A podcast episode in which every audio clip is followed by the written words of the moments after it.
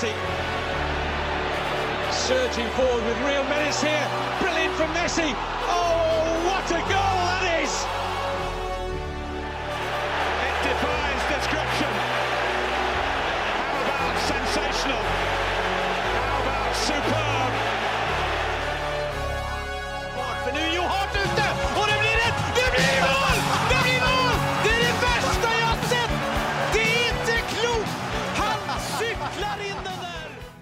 Ja da! Episode 153 av den populære fotballpodkasten 90 minutter. Eh, Normalt sitter jeg her med Mats Granvold og Søren Døpker, men eh, Mats Granvold han eh, Ja, det kan godt hende han kommer innom i løpet av kvelden, men han er travelt opptatt med både militære og tredjedivisjonsspill i Harstad. Så uh, da må vi Ja, vi, kan, vi, vi vi begynner med gjesten, Søren. Er det greit? Eller? Ja, vi gjør det. Ja, uh, vår faste mak... Eller hva kan du si? Vår faste kompanjong når han kommer når uh, vi trenger en fra innbytterbenken som Ja, da, da graver dere bakerst på benken, og så finner dere meg. Nå sa dere forrige gang at dere skal ha en prominent gjest, så, så det sitter nok noen og er skuffa nå over at, at ikke Sander Berge eller Martin Ødegaard eller hvem dere lova sitter her, da. Så Ja, men eh, det må jo være greit med Kristoffer Ayer? Nei da, Tor Kjetil Våland, Det er alltid hyggelig å ha deg med. jo, tusen takk. Det er alltid hyggelig å være med. Ja, men det er veldig, veldig hyggelig. Ja, for du, du sier jo ja hver gang, så sånn sett så er jo altså Du er jo en benkespiller som kommer inn og leverer, og så eh, aldri klager når man sitter på benken. Nei, nei, nei. Jeg, det, det er sånn, sånn livet mitt har vært siden jeg var, var, var liten. Så, så jeg sitter på benken og ikke klaga når jeg kommet hit. Så Jeg har blitt oppdratt rett, altså. Ja, nok det. ble plutselig en veldig mørk historie. Det, det var ikke, det var ikke meninga. Du har du mer å tømme deg. Velkommen til Psykologipodden med Søren Døpker og Thomas Edvardsen. Nei, men det er alltid hyggelig. Du var i København eh, i helga? Ja, jeg var på en litt sånn spontan, eller spontan, spontan, planlagt på et par uker guttetur, så Åh, Ble det noe fotball? det, vi prøvde innom å få sett litt eh, på sportspub, men eh, ja, litt sånn Det var litt overfylt og litt eh, Så Men jeg har ikke vært på noe sånn banehopp. Jeg sjekka, da. Jeg sjekka alle sjekka, selvfølgelig om det var noen kamper. Du tenkte mer på sånn banehopping? Jeg tenker på kamp på stadion, ja. Ja, nei, det jeg sjekka, men uh, det var bare sånne fjerdedivisjonskamper uh, perfekt! kamper og sånne ting, så det blei Må nå bli Søren gira når han gjør fjerdedivisjon i Danmark. Ja, men det var ikke alle som var like med på det, da. Nei, jeg, jeg, jeg ser det. Altså, altså, jeg, som så fotballinteressert som jeg er, ville vært Altså, hadde jeg hatt en langhelg eller en helg, da, i København, og måtte stå på en fjerdedivisjonskamp, da tror jeg faktisk jeg hadde blitt skuffa av gutta, jeg òg. ja, ja, ja, det var ikke helt uh, det, det var vanskelig å få slått gjennom noe sånt. Eller ikke det hadde jeg prøvd heller, da, men uh, jeg tror det var vanskelig å få slått gjennom noe sånt. Og jeg er usikker på om, eh, på om man var eh, hva skal jeg si, mentalt uh, i stand til å, å delta på noen sånne arrangementer som måtte krevde planlegging og, og logistikk. Som gutteturer generelt. Søren Døpger, hallo, hallo. Hallo, hallo. Du, uh, du har vært i Tyskland. Jeg var i Tyskland, ja. Det var, Fikk sett en Wolfsburg-kamp på noe attåt, eller? Ja, det ble jo Wolfsburg. Det ble jo sist Jeg skulle egentlig reise hjem på fredag ettermiddag. Det var egentlig en opprinnelig plan, men så ble jo den kampen mot Mainz lagt på fredagen også forholdsvis tidlig, i hvert fall før jeg bestilte reisen, og jeg tenkte ja, da blir det, da blir det hjemmetur på lørdag. Da får jeg meg den på stadion. Og det var jo, på det tidspunktet tenkte jeg jo at det kan, kan fort bli den siste Bundesliga-kampen jeg får med meg på Volkswagen Arena på en liten stund. Men eh, det har jo, den bekymringa kan jeg jo legge, legge til siden. Og så ble det to kamper på lavere nivå. Ja, så da fikk du fylt opp litt på Grand Hopper-appen din også. Ja, veldig hyggelig. Mm, mm. Eh, sånn, sånn i løpet av den Tyskland-turen, Søren, så må du vel hatt noe Kommet over noen life hacks? Vet du hva, nå har jeg tenkt, men jeg har ikke kommet på noe egentlig. Du har ikke det, altså? Altså, ikke, altså, ikke noe som Nei. Du hørte om eh, mobiltriks når du ikke har refleks? Ja, ja, ja, ja, jeg testa det ut sjøl. Det funker, eh, eller du føler i hvert fall at det er litt tryggere. Mm. Men, men jeg, jeg kom, jeg hadde en sånn, sånn litt sånn Søren Whatwood, Søren Dupkerdu-situasjon, faktisk. Okay. På, på flyplassen her. Fordi, eller når jeg skulle pakke da, til denne gutturen, så, så, så skulle jeg ta danskebåten ned og fly hjem. Um, og da fant jeg ut at uh, da bruker jeg min eh, Altså ikke toalettmappe, men en sånn derre Ikea Zipp-pose, for da slipper jeg å drive og styre med de der posene med deoen og sånn. Mm, Mhm, mhm. Så, så, da, så det er kanskje et slags Søren, eh, Søren Døpker life hack. da. Jeg tenkte at Søren Døpker han tenker på sånne ting. Ja, jeg, jeg gjør det. Du gjør det? Det stemmer. Ja. Ja. Nei, men det er flott. Det er flott. Eh, så, sånn skal det være. Ja. Men ellers ingenting om mellom? Nei, egentlig ikke. Nei. Nei. Nei, Alt, alt er bra. Det er blitt vår. Det er veldig hyggelig. Fugla på topp. Veldig hyggelig. Åh, Veldig varmt ute nå for tida. Ja. Det er deilig. Globale oppvarmingen kommer og tar oss sakte, men sikkert her. nei, nei, nei, nei. sånn skal det være. Um, vi skal jo egentlig snakke fotball, det er jo derfor vi er her. Ja. Um, vi, vi kan begynne med et Twitter-spørsmål fra Bernt Olav Gjellegjerde Hansen. Ehm, hva har skjedd med Bodø-Glimt? Virker som to gull har gått rett i hodet på både lag og supportere. Ja, altså, jeg, jeg tenker jo altså, det, det er jo Vi kan jo ta supporterne først, da. Uh, jeg tror Bodø-Glimt har fått seg nå den fine greia at de har fått så mange medgangssupportere. Jeg tror Harald Mottak var litt innpå det òg, at de som er mest slitsomme, det er sånne folk som har registrert seg på Twitter sånn sommeren 2020 og, og alt det der. Eh, det er jo ikke de, eh, de som sto der for ti år siden og heiet fram eh, et lite jojo-lag, som nå er de som er slitsomme. Det er jo gjerne de folka som har funnet ut at fotball er gøy. Da Glimt begynte å være på topp, og da kunne man like så godt heie på Glimt fordi man var fra Bodø eller et eller annet. da.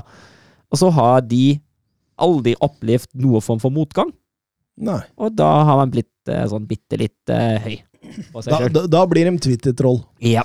Mm. Så tror jeg han mentaltreneren har vært på ferie denne uka, for det var fullstendig mental ubalanse i kampen mot eh, Viking i går. Så ellers så har de plukka opp eh, et og par triks de tenker de skal, skal lære av Mourinho fra Roma, så jeg vet, jeg Ja, vet ikke ikke helt hva sant? de drev med i går. jeg. Ja, det er det jeg tenker på. Ja, det er Roma-saken. Du har det i går, hvor treneren står også. Altså, spilleren din omtrent overfaller en annen. ja, herregud. Og, og, og så står du der og sier at hvis det blir karantene, så ler jeg. Ha, ha, ha. Altså, Etter at du først har stått og sagt ja, jeg fikk litt sånn, det var litt dumt gjort av meg, det der. Det, Ja, ja, og, og, og, og vi husker jo denne treningsleiren de dro på i sin tid, og det, det, det er mange ting foran dette også. så. Altså, al- Ja, jeg, altså, jeg kjenner ikke igjen Altså, jeg var jo en tur oppom der uh, i 99-2000. Ja, og, og en hyggelig, liten, åpen klubb med masse hyggelige mennesker. Det er det jeg husker fra oppholdet mitt der, da. Og, og nå- virker det nærmest som de er sånn Alle skal ta oss. Ja. det er vi mot Norge. Altså, eh, tatt over det Rosenborg-stempelet. Ja, men jeg, jeg tror det har litt med å gjøre at nå er det Altså, nå er det jo gøyest for alle lag å slå Glimt akkurat nå om dagen. Uh, og det setter dem jo i en helt ny situasjon. Eh, og det har de ikke takla helt bra. Det er ikke noe forsvar i det hele tatt. Jeg er helt enig, jeg syns det er helt uh, katastrofe, den oppførselen der om dagen. Uh, men de har ikke helt Jeg tror ikke de har helt klart å innstille seg mentalt på at de nå er Norges beste lag. At det er en ekstra motivasjon å spille mot dem, og at det kan bli litt tøffere å bli møtt. Men uh, vinneren her føler jeg er Viking. Jeg vet ikke om dere så den med han materialforvalteren som, som Ulrik Saltnes uh, Han tok jo ikke en halsgrep på han, men han liksom var liksom så vidt borti, borti en litt sånn han, tok, eh, han, situasjon. han tok en sånn simulering av Nuno Santos. Ja. eh. Kom på jobb i nakkekrøk i dag, han materialforvalteren. Nei! Nei!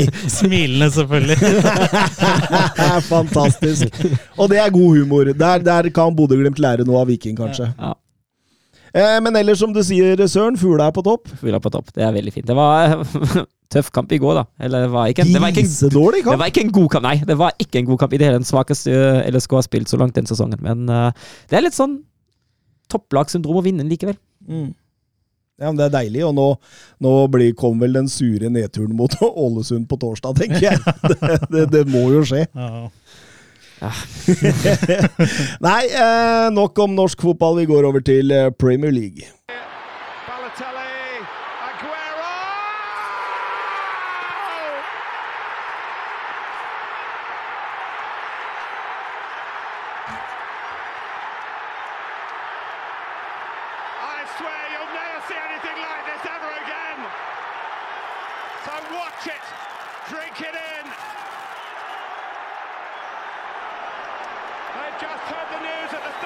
Ja, og på Etiad eh, Stadium eh, Han kom en uke for seint. Han skulle vært der i påska, men Jesus, han Han er gjenoppstått, ja. Virkelig. Fire mål og var med på å gruse Watford. eh, Hadde han ikke assisten før femte år?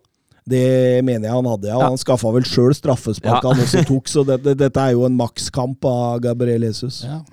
Det er eh, Det er en spennende sp altså Gabriel Jesus eh, skjønner jeg meg ikke helt på. Uh, for han er jo egentlig ikke så dårlig, og så er han ikke så god heller. Nei, jeg syns jo, jo han er altså Nå har han jo motbevist meg ganske kraftig, i hvert fall i den kampen. da, hvis man ser den isolert seg. Jeg syns jo han ofte sliter med effektivitet foran mål. Ja. uh, men jeg syns i Altså, nå har han jo ikke spilt så mye i det siste, egentlig, eller i hvert fall ikke i løpet av våren, da, men den rollen som han hadde da under Guardiola, under Guardiola City nå, uh, som en høyrekant, som Mm. bakromsjaktene der, syns jeg han egentlig har vært god. Ja, For det er der han har vært best for City, kanskje, i, i den rollen, syns, syns jeg. da. Ja, men for, fordi han er jo litt udefinerbar. Altså, hvor er han egentlig best? Og så, så syns jeg jo ofte han har vist seg å være best ut høyre. Men, men, men Manchester City er best med Riyad Mahrez ut høyre, egentlig. Og, og hvis ikke det, Kevin De Brøne, og opp dit for å, å få mer tyngde den veien, så han, han faller jo ofte litt mellom to stoler. Mm. Så det, det, det er litt av problemet. og Nå hører jeg rykter om at han kan være på vei vekk også. Ja, det, det tenker, altså, han kommer jo aldri til å være noe mer enn en, en, enn en troppsspiller der, tenker jeg. Altså, det, han er jo ikke god nok til å starte for City. Nei, og når Haaland kommer, så blir det vel sikkert enda verre å finne en, Ja. finne en plass inn i det, i det laget. Så, men hvor, hvor, altså, han, er jo, han kunne jo sikkert gjort en god jobb for disse middelhavsfarerne da, i Premier League, for eksempel. for eller, all del. For all del. Han, øh, jeg tenker også hvis han hadde gått i en annen liga, la oss si øh, AC Milan Mm. eller, eller noe Monaco eller noe sånt, så tror jeg han hadde vært en voldsomt god spiller der. Eh, eh, City ja, 5-1. Eh, De hadde full kontroll, og, og Guardiola kunne til og med ta litt hensyn til, eh, til Real Madrid-kampen i morgen. Ja, det hjelper jo å lede 5-1 etter 53 minutter. Da tar man ut litt tempo. Men, men Tor Kjetil, du var inne på dette med Haaland. Eh, tendensen går jo mot City nå. Jeg blir uh, overraska om ikke det blir City. Alle rykter skal dit. Faren hans har spilt der. Mm. Mino Raiola ser vel eh, at her er det mulighet for å tjene gode, gode penger. eh, Og City, vi trenger jo en, en spiss av topp, topp eh, klasse. De får vel Alvarez fra River Plate, men, men han er jo en fremtidsmann. Og Ja, og litt mer Gabriel Jesus. Ja. Litt mer du, det udefinerbarheta. Ja. Det blir ikke noe typisk nier. jeg tipper det er en spiller som et par år med Guardiola kommer til å se ganske annerledes ut enn det han gjør i dag. Da. Mm. Så, så de trenger jo en spiss, og City leiter jo på toppen av markedet der, og da er det jo ikke mange å ta. Så da blir det Haaland, da. Ja, og for Haaland blir det sikkert eh, veldig bra å spille under Guardiola, altså. Ja. Jeg, jeg, jeg bare tenker på den leveransen han vil få. Altså den, den enorme lever... Han, han, altså, sånn jeg ser Haaland, da, altså Haaland på sitt beste, en svært effektiv spiss som tar vare på mulighetene sine. Og, og, og hvis City får inn dette, altså, da, da er det med en venstrebekk unna å være komplett, altså. ja. Det er, det, altså, jeg, jeg, altså det, da, da ser jeg ikke hvor skal man på en måte oppgradere dette laget. Altså, det, er, det er denne venstrebekken som har vært litt av problemet. Og så, og så kanskje du kan si det at det er backup til Rodri siden Fernandinho stikker denne sesongen, da, men der har de jo også eh, Romero Lavia, denne ekstremt spennende unge belgieren som eh, Pep Guardiola skal ha, ha stor sans for, som, som sikkert kan gå inn allerede nå og gjøre en, en backup-rolle der. så syns det der jeg ser Ja, det er helt, eh, helt altså det, det er jo Vi har jo snakka om det mye, at City er én spiss unna å nesten framstå som uslåelig. Mm. Mm. Så som Lavia hadde jo sikkert eh, fått mer spilletid nå hvis tittelen var eh, signert og levert, på en måte. Så Helt klart, helt klart. tipper jeg hadde blitt fått sett litt mer av disse unge, spennende spillerne deres. Men Ja, for det, det, det gror godt bak òg. Mm. Um, Leeds borte, Newcastle hjemme, Westham borte, Villa hjemme og Wolverhampton borte. Det bør jo bli egentlig fem seire. Ja, det bør det. Med tanke på altså, mitt, altså, Største utfordringa kanskje Westham, men de har ikke akkurat vært, i form i det siste. Nei, absolutt ikke. Jeg, synes, jeg kan ikke helt se hvor de skal tape poeng, Nei. altså. Jeg kan Ikke. ikke det. Ikke heller. Eh, Vi går over til eh, gullrivalen i Liverpool. Eh, Fikk de ikke like lett mot Everton. nei, det var, var Var en krig? Det var en krig. Everton hadde bestemt seg for at de ikke skulle gi Liverpool noen, noen ting. Det var ekstremt defensivt, egentlig. Ja, det var 4-5-1 å kjøre kontringer. Ja, hadde ballen 11% eller sånn i første omgang. Så Liverpool hadde null skudd på mål. Det sier jo at de lyktes jo. Altså de, Everton lykkes jo egentlig med, med planen sin. Fordi jeg, tenk, jeg tenker at her tenker Lampard at sjansene våre altså Det er ikke her vi skal redde Premier League. Så, så kan vi få med oss noe, så, så tar vi det. Så det er sånn jeg tenker at han tenker. Jeg, jeg tenkte i løpet av den første omgangen, eh, Søren Dupker, at eh, ser vi den gamle eleven av Mourinho ta en uh, José Mourinho masterclass her, rett og slett? Ja, det så litt sånn ut. med- På alle, på alle mulige måter. Altså, de kjemper jo med, med alt som var legalt og ikke helt legalt, for å få med seg et eller annet der. Rich, Al- Rich i- Oi, det var Rikarlison. Lisson. Ja, han Ja. hadde, hadde mye vondt. Han. Ja, og Gordon eh, falt vel eh, Ja. Rimelig rett en gang da også. Han, men ja, han hadde eh, Ja, han, han falt lett en gang, Ja. og, og fortjent gult kort, og jeg leste at eh, denne sesongen har det blitt utdelt tolv gule kort på filming. Everton har seks av dem. men, men har Gordon flere, eller? Ja, han har, han har noen flere, ja. Han Han har vel noen- også en fra motsatte oppgjøret der, tror jeg, Ja, mo- mot Liverpool og, og diverse, så Jeg skal ikke skryte med at når jeg nå skal prioritere familie og fotball, at det er Everton jeg, jeg velger å prioritere, men det lille jeg har sett av Gordon, jeg syns han har en litt sånn filmete Ja, han, atferd. han faller litt litt, jeg er enig i det. Mm. Det er litt synd, fordi han er egentlig en, eh, en god fotballspiller. Særlig på overgangene. Ja. Men uh, Torjus Hansen spør på Twitter her. Først av alt, takk for en fantastisk pod. Ukens høydepunkt. Så hyggelig. Tusen takk. Eh, blir ikke Everton snytt for et straffespark? Gordon mot Matip-situasjonen. Kan dommeren ha vært påvirket av filmingen til Gordon i forkant, når han ikke dømmer straffe her? Ja, jeg syns det er straffespark. Jeg synes det. er, altså han er vel, han dytter vel litt på overkant, og han borti beina på litt, litt lenger ned òg. og ja, jeg er enig i den hypotesen der. Uh, det er jo en, altså, Gordon er jo en spiller som har opparbeida seg et visst rykte. Uh, og hvis han da allerede filmer en gang før i kampen, eh, så er det lett å la være å blåse straffe. Mm. Særlig når det er på Enfield. Mm. Nei, det er delvis jeg er faktisk enig i. Det er, altså, hvis jeg tar av meg alle de røde brillene, så, så er det jo det er straffespark. Men jeg er forstått også enig i at den er ikke sånn clear and obvious. Uh, altså så clear and obvious at Nei, og, den og det er nettopp det jeg tror dette er en sånn typisk situasjon. At det var følge dommeren uansett.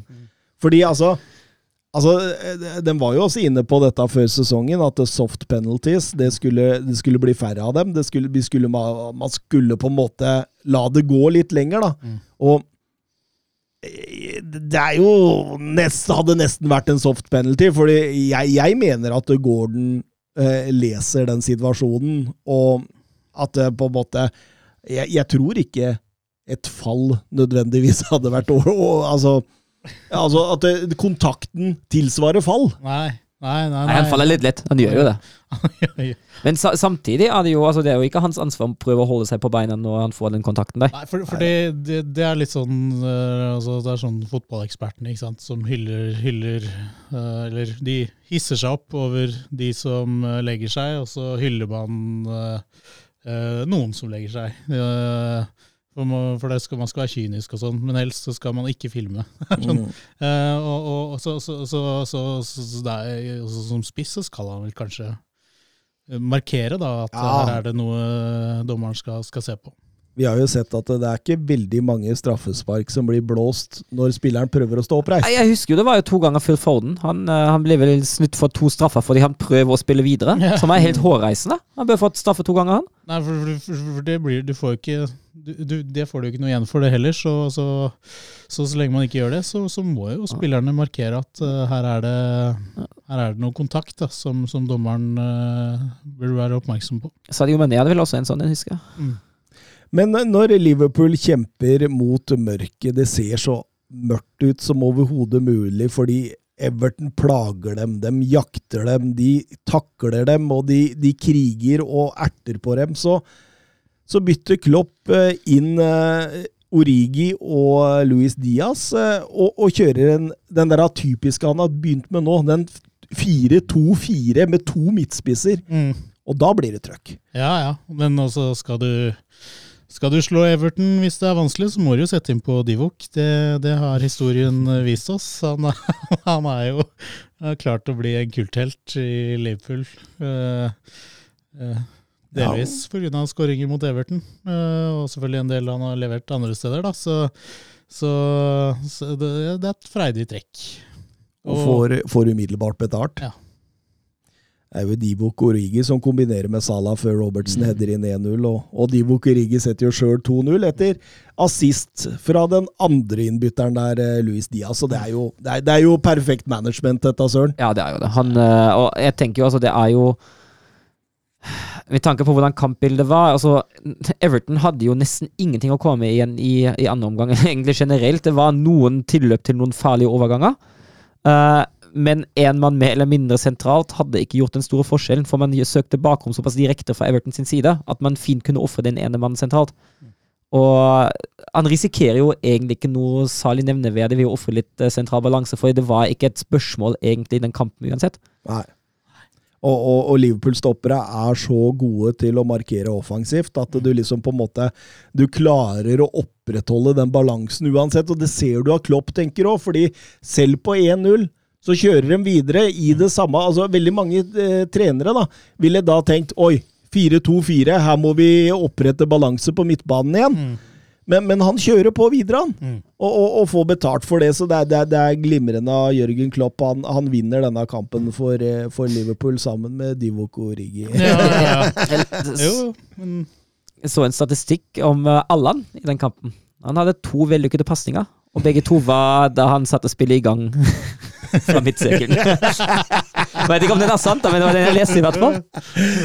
Eh, Oskar Carveio Holm på Twitter, eh, hva synes dere om Alisons eh, parodi på, av Pickford? klasse. Hyller det. Jeg syns det er helt konge. Okay, Helt klasse. Det, det, det er sånn man skal Ja, det er for det, det er sånn altså Det er Everton, det er litt rivaleri, også. selvfølgelig skal man mobbe litt og erte litt. Uh, erte litt da. Jeg synes han var fin, jeg. Og Jordan Pickford har jo prøvd å drepe van Dijk eh, en gang i tiden, så han eh, fortjener å få litt uh... Ja, han prøvde å drepe minutter her også. og Ja, det, det, det er akkurat, altså Nå var jeg sjøl på en kamp på søndag da motstanderlaget begynte å drøye etter fem minutter, og det er så fryktelig frustrerende når man begynner å drøye tid nesten fra avspark. Ja. Og altså, altså begynte jo Etter at LSK skåra én, så begynte jo Mats Hedenstad Christiansen også å drøye litt. Men da syns jeg det var helt greit. Da fikk, øh, fikk Haugesund smake sin egen medisin. Og jeg, jeg er ikke noe fan av drøying. Jeg syns det er fryktelig tullete også når mitt eget lag gjør det. Men uh, man kan fint tillate seg en, øh, en sånn liten parodi uh, for å markere hva man uh, mener om det. Men, men samtidig, det er jo sånn Everton må spille hvis de skal vinne på Anfield. Ja, selvfølgelig. Men øh, altså, det er det jeg mener med tillatt og ikke tillatte midler. Og altså, Prøv igjen å holde, holde imot så godt du kan sportslig, men denne drøyinga altså, Jeg har sagt det før, jeg er fan av øh, effektiv spilletid. Men, men var jo Everton mot Chelsea, går de på samme måte nå, eller? De begynner jo å få krigen veldig på strupen snart. Og så de har Burnley nå, er det ikke det? Jo, eh, Everton eh, har et litt eh, tøft Ja. kampprogram med Chelsea hjemme, Leicester borte, eh, Watford borte, Brentford hjemme, Crystal Palace hjemme og Arsenal borte. Det, er- det, er- det er ikke det verste, altså.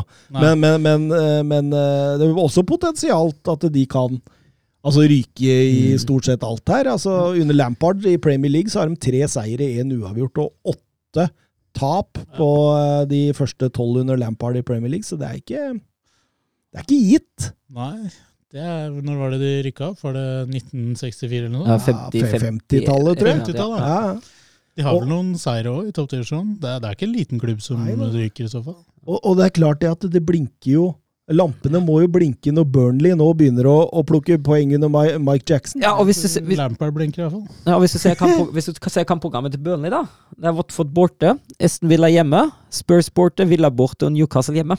Mm. Det skal ikke utelukke at uh, de minst matcher poengene Everton tar. Nei, absolutt ikke. Du har vel Leeds, er vel ikke De ligger uh, også og kaver der, så Ja, Leeds, Leeds har fire poeng uh, foran Everton. ja. Og, Ja, og, og kan i verste fall sure seg ned, dem også. Altså, du er ikke trygg før du er oppe på femteplassen der med Aston Villa. Nei, altså, altså har de, de har nå Crystal Palace i dag, og så de neste tre fra Leeds, da. Det er City, Arsenal og Chelsea. Og den er tøff, altså! ja. Men det er jo perfekt Premier League-sesong da, med spenning topp Ja. og bunn. Mm. Det, det Ja, liksom Eh, Liverpool eh, har igjen eh, Newcastle borte, Tottenham hjemme, Villa borte, Southampton borte og Wolverhampton hjemme. Eh, 13 poeng. Litt tøffere. 13 poeng. Ja. Uavgjort mot Tottenham, og så vinner de resten, tenker jeg. Ja, Men Newcastle borte, du skal ikke kimse Nei, jeg skal ikke kimse av det, men jeg, jeg tror de tar det. Jeg tror de vinner den. Mm. Det er noen bananskall her. Mm. Eh, Alex Bjørkan på eh, Twitter. Eh, vet dere hvorfor Michael Edwards eh, drar fra mesterlaget han har bygget opp denne sesongen, og hvorfor stilles det spørsmål om Klopp vil fortsette etter 2024? Og da snakker man jo om denne sportsdirektøren til Liverpool, eh, Michael Edwards, som eh, ja, Han kom vel til klubben i 2011, blei teknisk direktør etter hvert, var vel i analyseteamet først, og så sportsdirektør siden 2016, og, og er vel en sånn sportsdirektør som på en måte er blitt sett på som en sentral brikke på Anfield. Da. Altså, Henta jo van Dijk, Salah, Alison altså Mm. Eh, også kjent for å, å, å få mye ut av salg, eh, refererer Filipe Coutinho. Mm. hva, hva tenker vi? Han sier at eh, ti år holder, jeg må se etter Mm. nye utfordringer. Han har blitt linka til Newcastle-jobben, vel. Ut, men det avfeier han sånn ut fra det jeg har skjønt. Sier at han Så jeg um, ser vel for meg at det kan være noe andre fisker, store fisker, som, som vil ha han, og han vil da ha en, eh, ha en endring, da. Mm. Hvis han har jo levert i ti år, så Ja, nei, Det blir spennende å se hvor han eventuelt går. Jeg, jeg stussa litt. Jeg leste noe fra Mike Gordon, en av lederne i The Fenwick, eh, Fenway eh, Sports Group, altså eiera. Og, og hør på denne setningen her nå. Den, den stussa jeg over. Mm. Han og hans fantastiske familie vil bli savna i Liverpool, og ingen vil bli mer savnet enn hans kone Emily. hva, hva, hva, hva er dette for noe å si? kanskje, kanskje det er derfor han slutter her? Er det en eh, Wayne Bridge John Terry-sak ute og går her, eller hva? Det er veldig rart å si det. Det, det er en fryktelig uheldig formulering. Eh, jeg tipper jo kanskje at hun, at hun de gangene hun har, hun har vært der, har vært en, eh, har vært en gledesspreder eh, med sin positive art. Eller hva vet jeg det er det de prøver å si, da. At hun har vært, eh, hun har vært helt fantastisk å, å ha rundt omkring. Men det er en fryktelig uheldig formulering. Hva Emily Edwards har drevet med, det har jeg ikke kontroll på, men, Nei, men åpenbart en populær skikkelse i, Ja. i Fenway Group der. Men, nei, og, og Jørgen Klopp han har vel på mange måter sagt det samme. Ja, han har jo, altså han har jo det, altså det er en journalist som skal være ganske tett på han, som har sagt at han har lovet familien at det er slutt i Liverpool 2024. Han har jo sagt det på pressekonferanse også, at i 2024 er det på en måte Altså jeg planen å takke for meg i 2024. Uh, altså, hvis man ser på laget, så passer jo det òg, med tanke på hvilket lag han har nå de neste to åra. Altså, Salah, Mané, Thiago, van Dijk eh, De blir jo ikke yngre, de heller. Og det er jo kanskje på tide å gjøre en cut i 2024, når Klopp da bestemmer seg for å gå. da. Mm.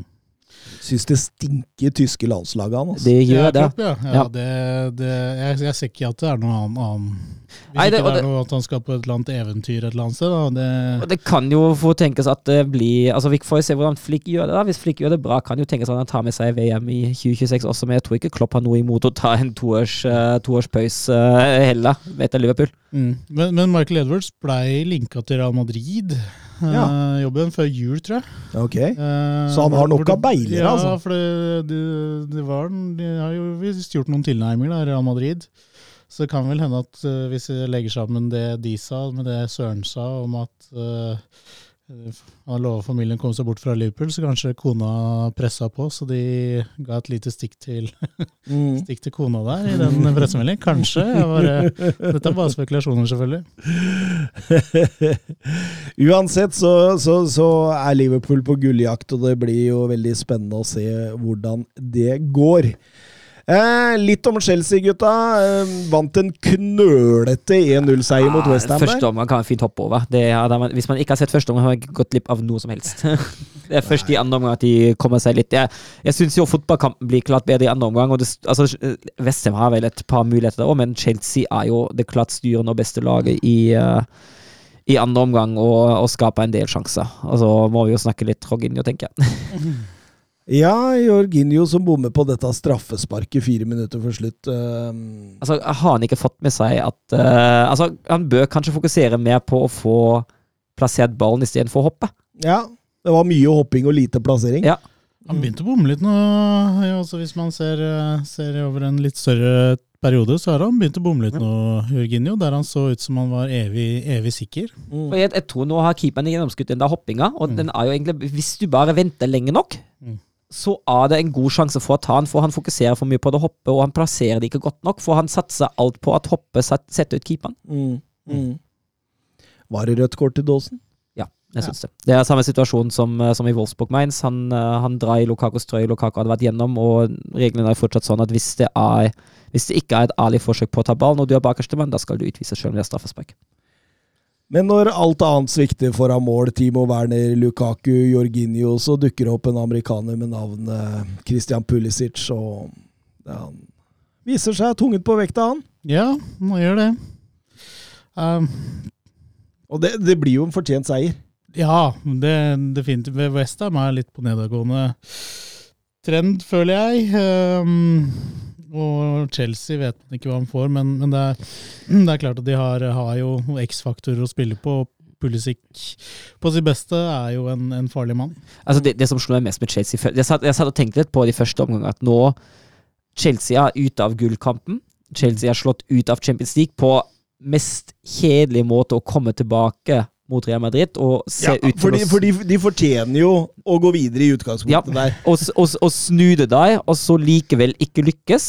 Uh, f- altså og så er det hele den situasjonen rundt klubben, det er bare sesongkortholder som er der, reisemulighetene liksom. altså, Det virker litt som om luften av den Chelsea-ballongen for denne sesongen har rett og slett gått litt ut, altså. Den ene spilleren etter den andre meldes ut. Christensen, Rydiger nå. Ja. Mm, Ja. ja.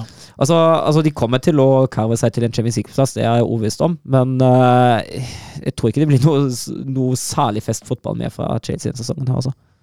Nei, den siste fjerde og fjerde, fjerde og siste heter det. Uh, Champions League-plassen den kommer vel til å stå mellom Tottenham og Arsenal, og, og Tottenham leverte ikke noe god søknad om den. eh, Nei, det var, nå er det liksom Før påske snakket vi om Arsenal leverte tre dårlige kamper på rappen. Nå er det plutselig Tottenham som, som har levert eh, to dårlige på rappen her. Og det er jo det med det etablerte forsvaret som er, et, som er en stor utfordring for Contes lag. Altså. ja, det etablerte angrepet, tenker du? Ja, altså mot, Å spille mot etablert Ja, forsvar, ja. ja, Sånn, ja. ja. ja. Ja, det er, litt- jeg føler at når lagene klarer å stenge, stenge si, ballene opp til Harry Kane, så sliter Tottenham voldsomt. da.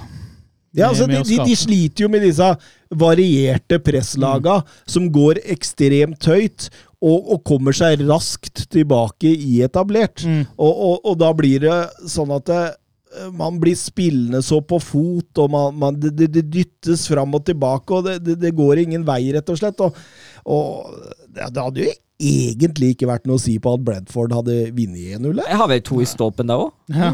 Og XG-en er jo også ganske tydelig. Brentford har 1,32. Spurs havna på 0,52 til slutt.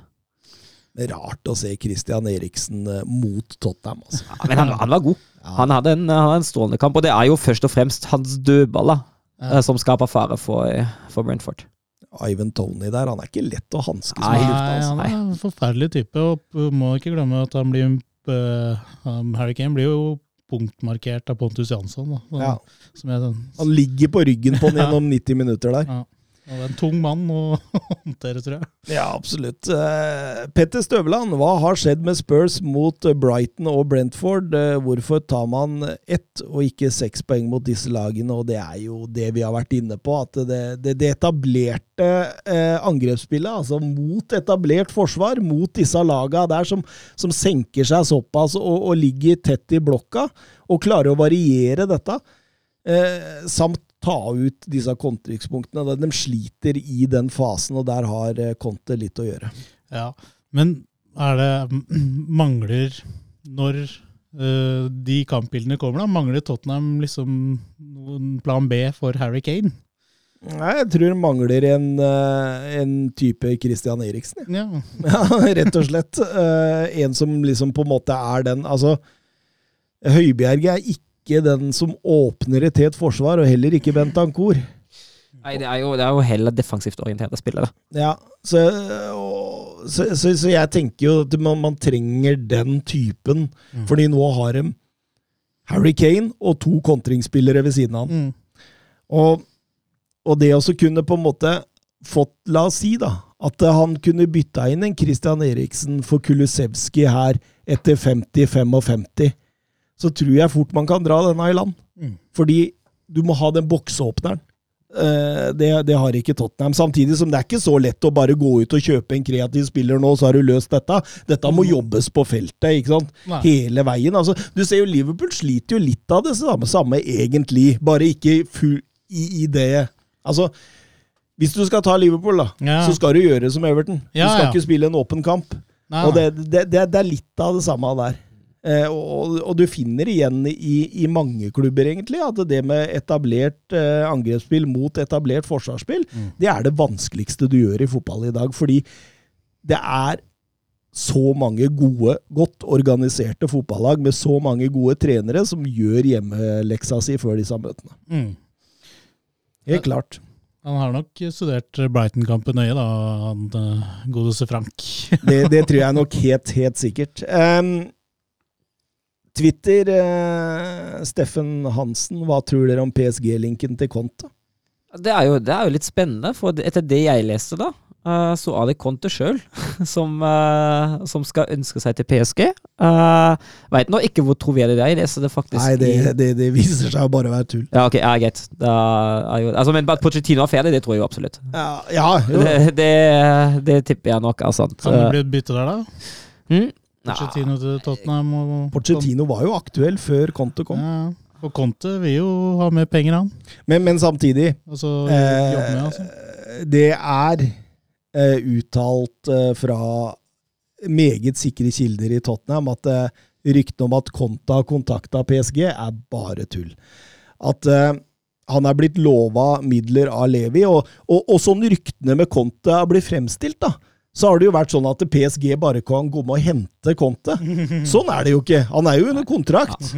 Så, så eh, Veldig spesielt eh, rykte, det. Altså, altså, at det kan skje hvis Men det, er jo, altså, det, det skyldes jo sikkert at altså, Conte er jo en litt spesiell type, da. Ja da. Ja da. Han kan jo streike, han som trener. eh, Det kan jo være pressmiddel. det, det, det, pressmiddel. det tror jeg ikke han gjør. Nei. Det kan jeg ikke se for meg. Absolutt ikke. Jeg tror men, men, men, men som jeg har sagt så mange ganger før i denne podkasten, det er sommeren som kommer til å avgjøre. Hva er det Levi kan gi han? Mm. Eh, Det er det det går på. Og så tror jeg det skal mye til for at han forlater sin gode venn Paratisi så tidlig. Mm. Um, vi må snakke litt Erik Ten Hag. Ja. Vi må snakke litt Arsenal, Manchester United og litt Erik Ten Hag. Han blei jo klar for Manchester United på torsdag og begynner jobben etter denne sesongen. Hva tenker vi om dette? Erik Den Haag, det, altså isolert sett, hvis man bare ser bort ifra spillemateriellet og, og hva slags klubb United der har vært, hva slags trener de har hatt de siste åra, så, så, så er det jo en kremansettelse. Altså, du kunne vel ikke fått noen bedre manager uh, eh, ut Ja, altså du har selvfølgelig gode managere, mange gode managere, men dette er jo en av de bedre man, man kan få. Men, men det jeg er skeptisk til, er jo om, um, om uh, United har tid til å vente på at Ten Hag skal få spilt inn dette systemet sitt. Ja, det, det er det ene, og du, du skrev det jo også på Twitter, Thomas, uh, mener jeg, da Ten Hag ble klar, at det er ikke Altså, det, den troppen da må ryddes opp. Ja. Da er det Altså, med tanke på hvordan Ragnhild blir tatt imot av spillerne, Mm. tror vi at Ten Hag får en bedre mottakelse? Nei, for det, det gikk jo allerede rykter Ja, om at sant? det var en blanda mottakelse i, i, i spillergruppa der. Og så er spørsmålet hvem er det som skal gjøre den ryddejobben? altså ledelsen Ja, altså, altså, hvem, er sportssjefen? Han, Ja. Hvor er de langsiktige jeg tenker Erik Ten Hag må gjøre Jeg tenker egentlig det er bare å gi Ten Hag, eh, Ten Hag alle muligheter og all makt, og så virkelig satse på ham, og gi ham Stole på ham og gi ham muligheten til å bare rydde som han ønsker. Mm. Mm. Han har egentlig litt de samme utfordringene som Mikkel Arteta hadde da han tok over Arsenal, med Ja. alle disse stjernene som var litt sånn giddaslause. Ja, og det neste poenget er jo hvis man ser på hvilken fotball Erik Ten Hag ønsker å spille. Han er jo en han er jo i den nederlandske stilen. Han ønsker jo, han ønsker jo possession, uh, possession-basert fotball. Den toppen United har nå Mm. Altså, jeg kommer på noen spillere som man kan gjøre det med. Altså, Bruno Fernandes er jo kanskje første alternativ til å spille possession-fotball. Men utenom det, altså Fred McTomney, uh, Matic McWire... du har så mange. Du altså, har så mange. ve- ve- altså, velg, velg hvem du vil, da. Men jeg ser bare ikke at den toppen da er i stand. Altså, jeg, jeg Altså, tror, de, de er ikke gode nok, rett og slett. Jeg tror i Premier Leagues moderne historie så tror jeg ikke man finner en så stor mismatch på mange herrens år som mellom Erik Den Haag og den spillergruppa som Nei, finnes nå. For her er det possession-fotball, og her er det høyt press-fotball. Og de kan ingen av delene. Og det er ikke i nærheten av hva de har eh, drevet med. Nei, ikke sant? For dette er, dette er jo en, altså Stallen er jo en miks av trenere som står for en eh, Altså tre-fire trenere som står for totalt ulike filosofier. Det fins jo ikke noe rød tråd i hvordan man har henta spillere her. Matic er allerede u- Ja, han er ute, av Ja. Jo, men her, her er det mye som må ut. Og så er mye Sa, sa ikke Ragnhild etter Liverpool-kampen at vi må ha inn ti nye mann? Ja, han har han er jo altså det, er- det, er- det, er, det er vel bare å, å sette, sette De Gea i startelven og hente ti nye foran meg, da. Men har, har Avram, altså har Manchester United da tid da, til å vente de på de to årene, Nei, altså- tre årene, hvor, hvor han Altså, kan det gi han like mye tid som Solskjær, da? Altså, og få det til? Altså Hvis man tenker på de timene, altså det som United har vært ekstremt dårlig på, er parallelle overgang, altså tra- overgangsforhandlinger, i hvert fall som det har framstått i media, at man har, hatt, har tatt én og én spiller om gangen. Og først når den ene blir klar, man fokusert på neste. Og hvis man da skal ha ti altså, så, så, så lang tid, altså, så, så lang er ikke transfervinduet, da. Så man må, man må åpenbart gjøre noe med den der. Og så tenker jeg jo litt Hva, hva kan én mann gjøre her? Altså, altså, du, du har jo, altså Klubben trenger jo en ny struktur. De trenger nye hoder i administrasjon. De trenger nye eiere. Altså, De trenger jo eiere altså, som trenger litt mer på klubbdrift da, og litt Ja. mindre på profitt. Og, og ja, altså jeg- jeg står fortsatt for det at det er en kul signering, det er en, en vågal signering, og det er en Altså, du tar litt risiko her. Du gjør det fordi det det, vi, vi var vel inne på det for et par-tre uker siden, at uh, dette kan enten bli Premier League-gull i løpet av et par-tre år, eller så kan det bli midt på tabellen. Mm. Og, og, og det, er, det er så mange faktorer utenom Erik Den Haag da, som, som spiller en rolle her. Han, han har tatt på seg en jobb her, altså. Mm. Så det blir veldig, veldig spennende. Men det han fikk se mot Arsenal, var jo i hvert fall ganske positivt. For jeg syns jo dem er det beste laget, tross 3-1-tap. Ja. Denne fikk jeg sett uh, deler av, fordi det var et hue foran meg på den fotballpuben. Så, så, uh, og da satt jeg med en United-fan som uh, var forholdsvis fornøyd med, med, med spillet, da. Men selvfølgelig, resultatet er jo kjedelig. Ja, for de, de, ligger jo under 2-0 etter en, eh, time, en halvtime der, og så får Ronaldo en eh, gratis fra Arsenal-forsvaret. Det er vel ja, Gabriel og Forsvaret og Ramsdale. Ja. Han som kommer på halv distanse. Det er altså, starten til United er jo horribel, det skal jo sies. Uh, Arsenal tar jo styring med en gang og, og skårer på en gedigen forsvarstabbe. Men etter det syns jeg jo United, som du sier, da, er det beste laget, og Tone kommer egentlig litt ut av ingenting. mm. Eh, og det er egentlig bare innafor uh, og fortjent at Ronaldo setter 2-1. Du har jo Dalot i tverrligaen og Fernandes som bomma. Et- Så, så du Ramsdale tok en eh, Romero der? Ja, ja, ja. ja. Men eh, det, er, det må jo også være litt skremmende, da, fordi jeg syns ikke Arsenal er sånn en, Det er ikke 3-1 gode mot United den matchen. Nei. Så, så du da taper mot et lag som ikke er på 100% ja samtidig, altså, Arsenal har faktisk en XG på 2,54 i den kampen. De har det, altså. ja. Mm. Det er, det er jeg overraska over, for jeg ser, ser Arsenal som ekstremt effektiv her. Altså. Ja, men staffen i seg sjøl er jo 0,78, da. Mm. Eh, litt artig, det vi snakka om her for et par runder siden, om at uh, uten Party og med Sjaka på venstreback, så har Arsenal mista balansen. Eh, Arteta har gjort noe med dette her. Ariteta har gjort noe med det. Han flytta Chaka tilbake i den sentrale midtbanen og satsa heller på backparet eh, Tavares og Suárez. Og jeg, jeg syns jo det ser litt bedre ut. Uh, det er ikke helt der det var fra før og heller, men altså, Sali, altså jeg syns jo hovedproblemet til altså, i den kampen er jo ikke nødvendigvis det sentrale rommet-balansen der.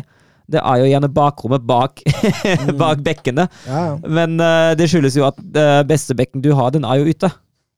Ja, absolutt. Absolutt. Og Elneni, El Neni, han, han er jo ikke, Ah, han er jo ikke all verdens, men han, han, er jo, han bidrar på en eller annen måte med litt balanse der, da, som gjør at det, du kjører i hvert fall ikke to offensive i, i, i eh, dypet der. Mm.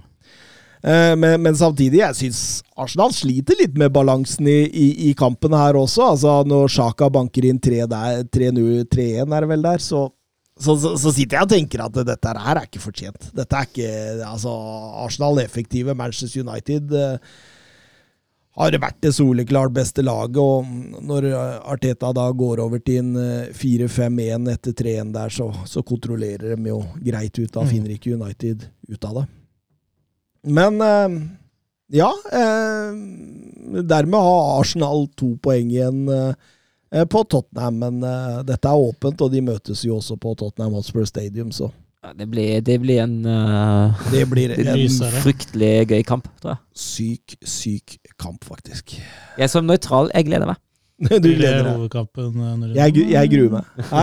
Blir det hovedkampen denne runden, eller? Ja, det må jo nesten bli det. Det, det bør det nesten ikke bli. Nei, jeg tror, jeg, altså jeg lurer, Dette er en hengekamp, så jeg tror denne fort ja, kan det- den gå er- midt i uka. altså. Så det blir spesialepisode, da. Det er kun hvis Tottenham vinner, for å si det sånn. Eh, vi rusler videre over til La Liga.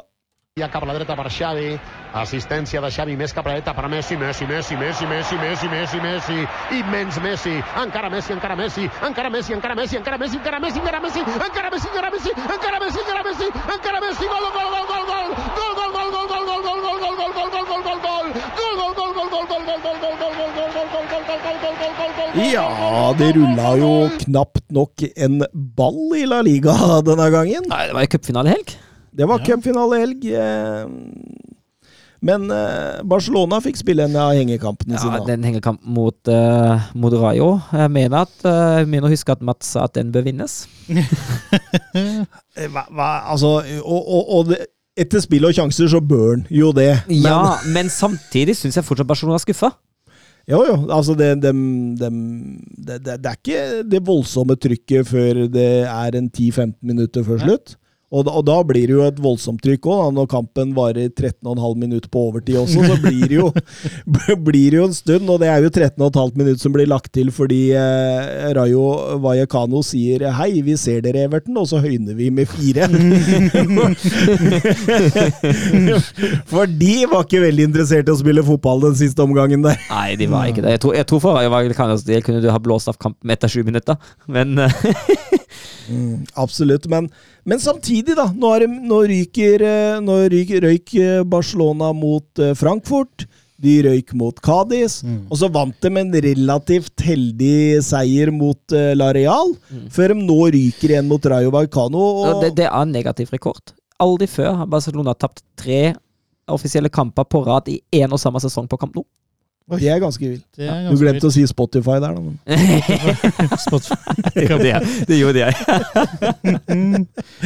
Eh, ja, og, og Savi klager på tøft eh, kampprogram. eh, Ja, men altså, men altså sorry, sorry, Savi. du har overtatt en klubb som har lyst til å spille Champions League. Det Eh, du, har, du har overtatt en klubb som skal spille tre kamper i uka, ellers er det full krise i den klubben. Da. Det må du takle. Glem eh, det. Det, er- det er bare sutring for meg, altså. Ja. Ja, absolutt. Enig. Um, Det er Bodø-Glimt uh, Bodø-Glimt-nivå. Altså. ja, fordi Barcelona skal spille mange kamper. Ja. De skal ha et tett kampprogram. Og så er det klart at uh, de hadde et litt annet spillemateriell for, for noen år siden, men, men, men allikevel. Absolutt. eh, det, det, Jørgen Be Ready, Nystuen på Twitter, er Savi-effekten over? Ja.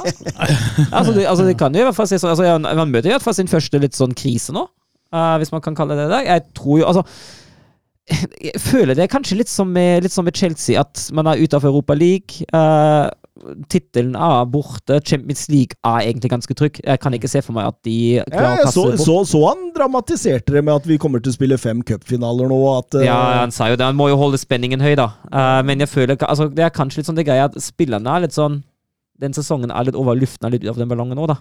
Men nå har jeg ikke helt kontroll på uh, koeffisienter og regler og sånn, men fordi uh, fjerdeplass i Spania må ut i kvalik til Champions League, eller Nei, de, de spiller, går, går, går rett inn i Champions League. Ja, okay. I, uh, I England, Spania og Tyskland går de øverste fire. Jeg tror også Italia. Går Ja. de øverste fire direkte inn i Champions League. Helt riktig. Og så har eh, League Ø to direkte og én i kvalik. Altså Ja. nummer tre i League Ø på kvalik. Men eh, Da tror jeg Savi kan han kan puste letta ut, det tror jeg òg. Men, men én ting som fikk meg til å, å, å reagere på det Savi sier, er Det er ikke så lett å motivere denne gjengen der. Ja, og det, Det er det en et faretruende det, det er et problem. Det er jo definitivt et problem, og det viser Altså, dette er jo fotballspillere som spiller for en altså Hvis vi ser på historie på en av verdens aller største klubber, med et av de aller største navn, og hvis ikke det i seg sjøl er motiverende nok for en enhver fotballspiller, det veit jeg ikke helt, altså. Og det, det er fotballspillere som har noe å bevise for, uh, for den klubben. da. Mm. Så uh, motivasjonen burde være på topp. Men, men jeg husker jo når vi, vi satt her før Eller vi ikke satt her, da, men før sesongen. Jeg Hadde en liten gjennomgang, eh, da, da var jeg med. Og da, det var rett etter at Messi hadde signert for PSG.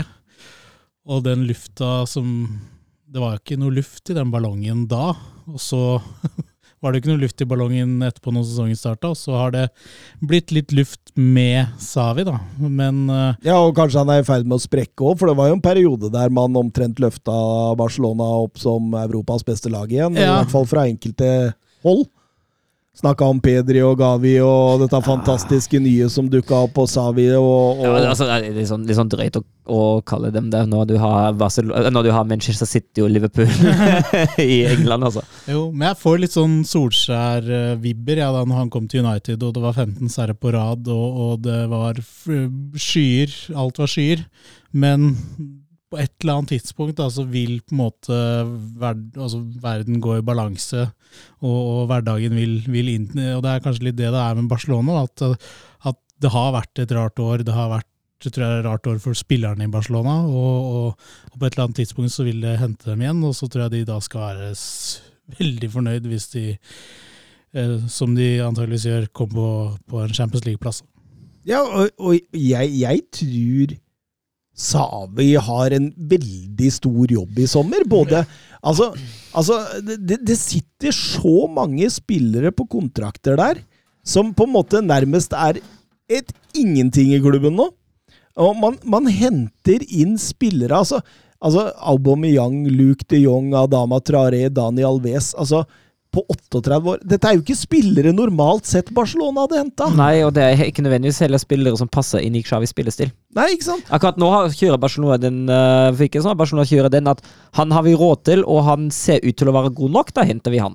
Ja, og han klarer vi å lønne før vi går over den der grensa hvor vi ikke klarer å registrere spillere mer igjen. Og, og, og hvis du ser, da Lenglet, Minguesa, Umtiti på ny kontrakt nå, Sergio Roberto, Ricky Poosh, Martin Braithwaite altså, du, du, altså, lista er endelang på spillere som på en måte Altså, de burde ikke vært der!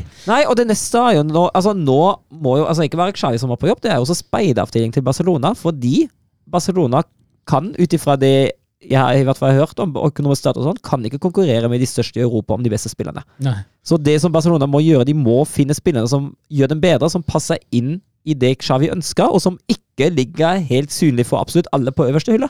Jeg hørte en greie faktisk som var litt interessant med Barcelona. At uh, det er jo så mye politikk i den klubben at uh, for eksempel så var Haaland linka og Raiola, og faren ble sett uh, på, Ja, på, på Det er jo uh, det, Jeg veit ikke om det er sant, da. Men, men at det er liksom Laporta som inviterer, da. For det er veldig viktig for hans og hans presidentskap at han Mm. klarer å være linka til disse store navnene. Da. Så de liksom melder interesse i media og sånn da, for disse store navnene for, for å være der, selv om de ikke har sjanse i havet eller økonomi til å, til å hente det. Så jeg er veldig spent på den sommeren Barcelona får nå. Den, uh, De har i hvert fall ikke økonomi til å konkurrere om en Haaland. Så enkelt og greit eh, kan man jo si det. Men altså tenker jeg eh, Ja, altså Du har en jobb å gjøre.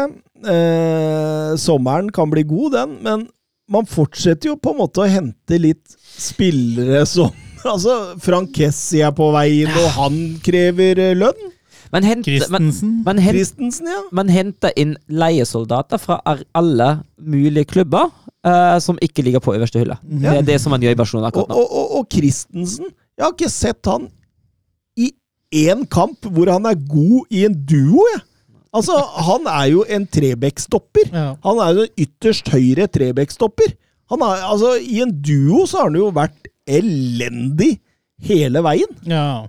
Og, og, og hva, hva, hva- er tanken med dette nå? Og, og den begynner å hente sånne spillere igjen, som kommer til å sitte på lønn, som ikke er gode nok. Og, så, som igjen kan gjøre at de kanskje ikke kan være med på de signalspillere de virkelig trenger da, ved en senere anledning. Så jeg, jeg syns det er veldig spesielt det de driver med. Ja, jeg er helt enig. Eh, litt morsomt også det Frankfurt-stuntet før eh, kuppa 30 av Ja, er- billettene på altså- Spotify-kamp nå. Det, det er jo helt sinnssykt å dukke opp med 30 000 mann på en bortekamp. Altså, All honnør til Frankfurt-supporterne. de. Og det er så organisert at Ja. Barcelona prøver å stoppe det, men da klarer de via utenlandske IP-adresser. Og, og, og for, fordi det, det var liksom nok er nok, nå, nå kommer ikke flere Frankfurt-supportere inn her, liksom. Og de begynner å kjøpe fra utenlandske IP-adresser. Er det ikke fantastisk? Jo, det Det er er, helt nydelig. det er, det er sånn det skal være. Og så får de 30 000 den opplevelsen på Kamp nå. Ja. Det er helt sykt. Og at de stiller i hvitt. Ja, altså Det var jo 3-0 der til godt ut i overtida, faktisk. Da Barcelona plutselig fant ut at de skulle spille fotball. Ja. Eh, Real Madrid da, de eh, tok seg noe heldig videre for, i Champions League på bekostning av Chelsea. Eh, Karim Benzema nok en gang avgjørende, og så vinner de mot Sevilla i påsken, borte. Sterk seier, det. Karim Benzema eh, nok en gang avgjørende på overtid, før hun vinner mot Osasona eh, 1-3, og der bommer Karim Benzema på to straffespark. Ja, det er litt sånn, det er sånn samme som med, som med Som jeg har sagt om Haaland. At altså, Benzema er ikke nødvendigvis den beste straffetakeren. og Kanskje bør han eh, overlate dette ansvaret til noen andre? Jeg, jeg, tror vi begynner å nærme oss en sånn konklusjon. Ja. Men, men, men her, ikke sant. Nå har de hatt spillefri. Eh, starta annet Dani Ceballos, Kamavinga, Camavinga, Valverde, Ascencio, altså Vasques. De hvilte spillere nå. Er er det en stor er det en stor fordel mot Manchester City i morgen? Altså et Manchester City som også spiller med, uten både Walker og Cancelo?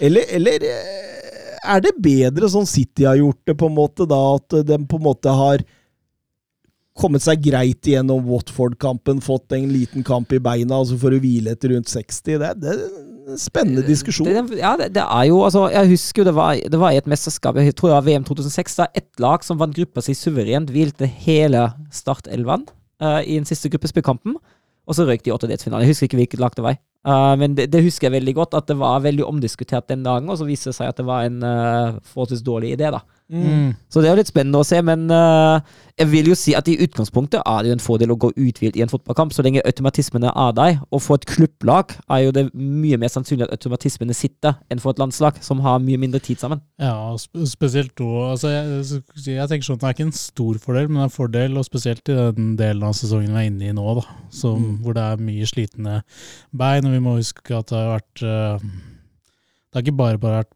fotballspillere de par siste åra heller. De har fått kjørt, kjørt seg ganske hardt eh, med kampprogrammet til tider. Og så er det jo sånne kamper da store spillere på en måte eh, virkelig skinner. Altså en Courtois, en Modric, en, en Benzema. De blir svært viktige. og Altså eh, jeg lurer på hvordan Guardiola gjør dette. Cancelo som sagt eh, ute med karantene, Walker ute med skade. Sinchenko tar vel den venstre bekken. Er en uh, Josh Stones på høyre, da? Det, det, det, det er farlig mot Venezia. Det, det, det, er, det får vi se. Det, er, det kan bli spennende. Det kan få, kan få noen knuter i beina sine da. Men, men, men uansett, da.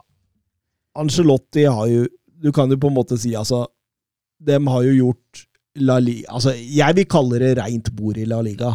Altså, det, det har nesten ikke vært noe tvil over lange Altså, det er bare Sevilla som på en måte har prøvd å, å karre seg til en liten spenning der, men Og så og så slår de ut eh, PSG og Chelsea i Champions League. Det er jo store prestasjoner. Ja. Ancelotti har jo gjort en god jobb, må man si, da. Men uh... Samtidig syns jeg fortsatt at Altså Hvis man ser på regnresultatet resultater, er det jo det, men hvis man ser på prestasjon De har, eh, de, de har i hvert fall ikke hatt marginer imot. Nei. nei. Det har de ikke, både verken i La Liga eller i, i Champions League. Så, så det er åpenbart at Og, og, og dem er jo veldig avhengig av Benzema Og Courtois. og Courtois. Mm. Du, du har en matchvinner både foran og bak der, og, og uten de to så hadde, altså det, hadde de La oss si de hadde hatt en eh, som Chelsea, da, en Lukaku og Timo Werner og, og en Mendy bak der. Så hadde, jo, så hadde jo ikke dette gått i verken La Liga-gull, tror jeg, eller, eller Champions League. eh. Fikk jo se den Barca-kampen tidligere i år, hvor lavt Ja, ja. ja. de kan ha det laget der, uten stjernene på topp. Så. Men uh, hvordan tror vi det går i morgen? Jeg tror City vinner. Ja, selv Eller- uten bekkene? Ja, jeg tror, altså, se- over to kamper tror jeg City vinner. Ja. Jeg håper Real vinner. Ja, men uh, jeg er ganske trygg på at City vinner, jeg. Og jeg, jeg For i år er det ikke noen Gareth Bale som kan brassesparke inn eh, Eller en Karius som kan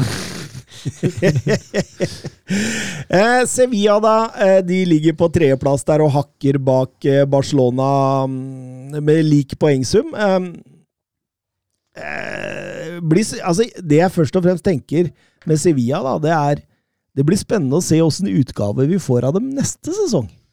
Fordi, altså eh, Condé linkes stadighet ut. Diego Carlos linkes stadighet ut. Eh, Enesiri er det flere klubber som lukter på. Jeg, jeg tror Monchi må skikkelig på jobb jeg, igjen. ja, det tror jeg også. Det er jo litt sånn skjebnen til sånne klubber som Sevilla. Altså nå Altså, det er jo nesten sånn at Champions League og topp fire er litt sånn det maksimale.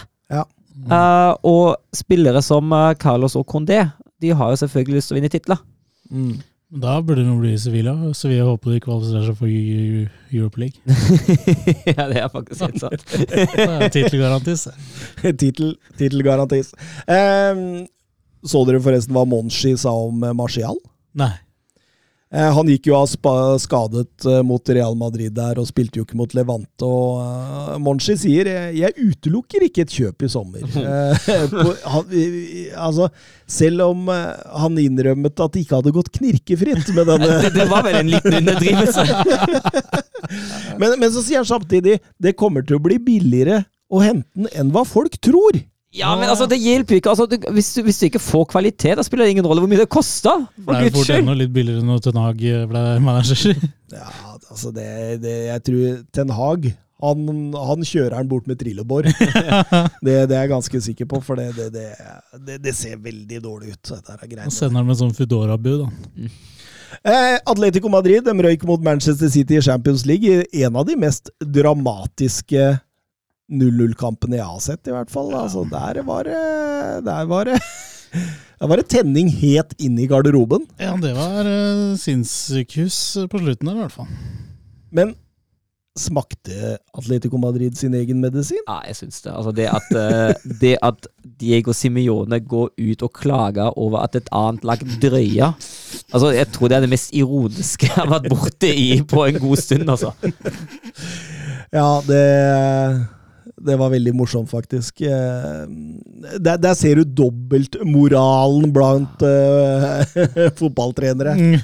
Simione, liksom. Altså, Der utførte Manchester City en uh, Simione light, og, og, han står og kritiserer for det etterpå. Ja. Uh, Eh, Riktignok eh, sliter litt, vant en litt heldig seier mot Español der i påska. Det ble 0-0 mot Granada hjemme på Wanda Metropolitana. Det er, Ja, og Kampprogrammet de siste er ikke så lette, det, altså. nei, altså, det, det, det er en mulighet for Betis her. Ja, det, altså, det er Atletic, eh, Real, Elche, Sevilla og Sociedad.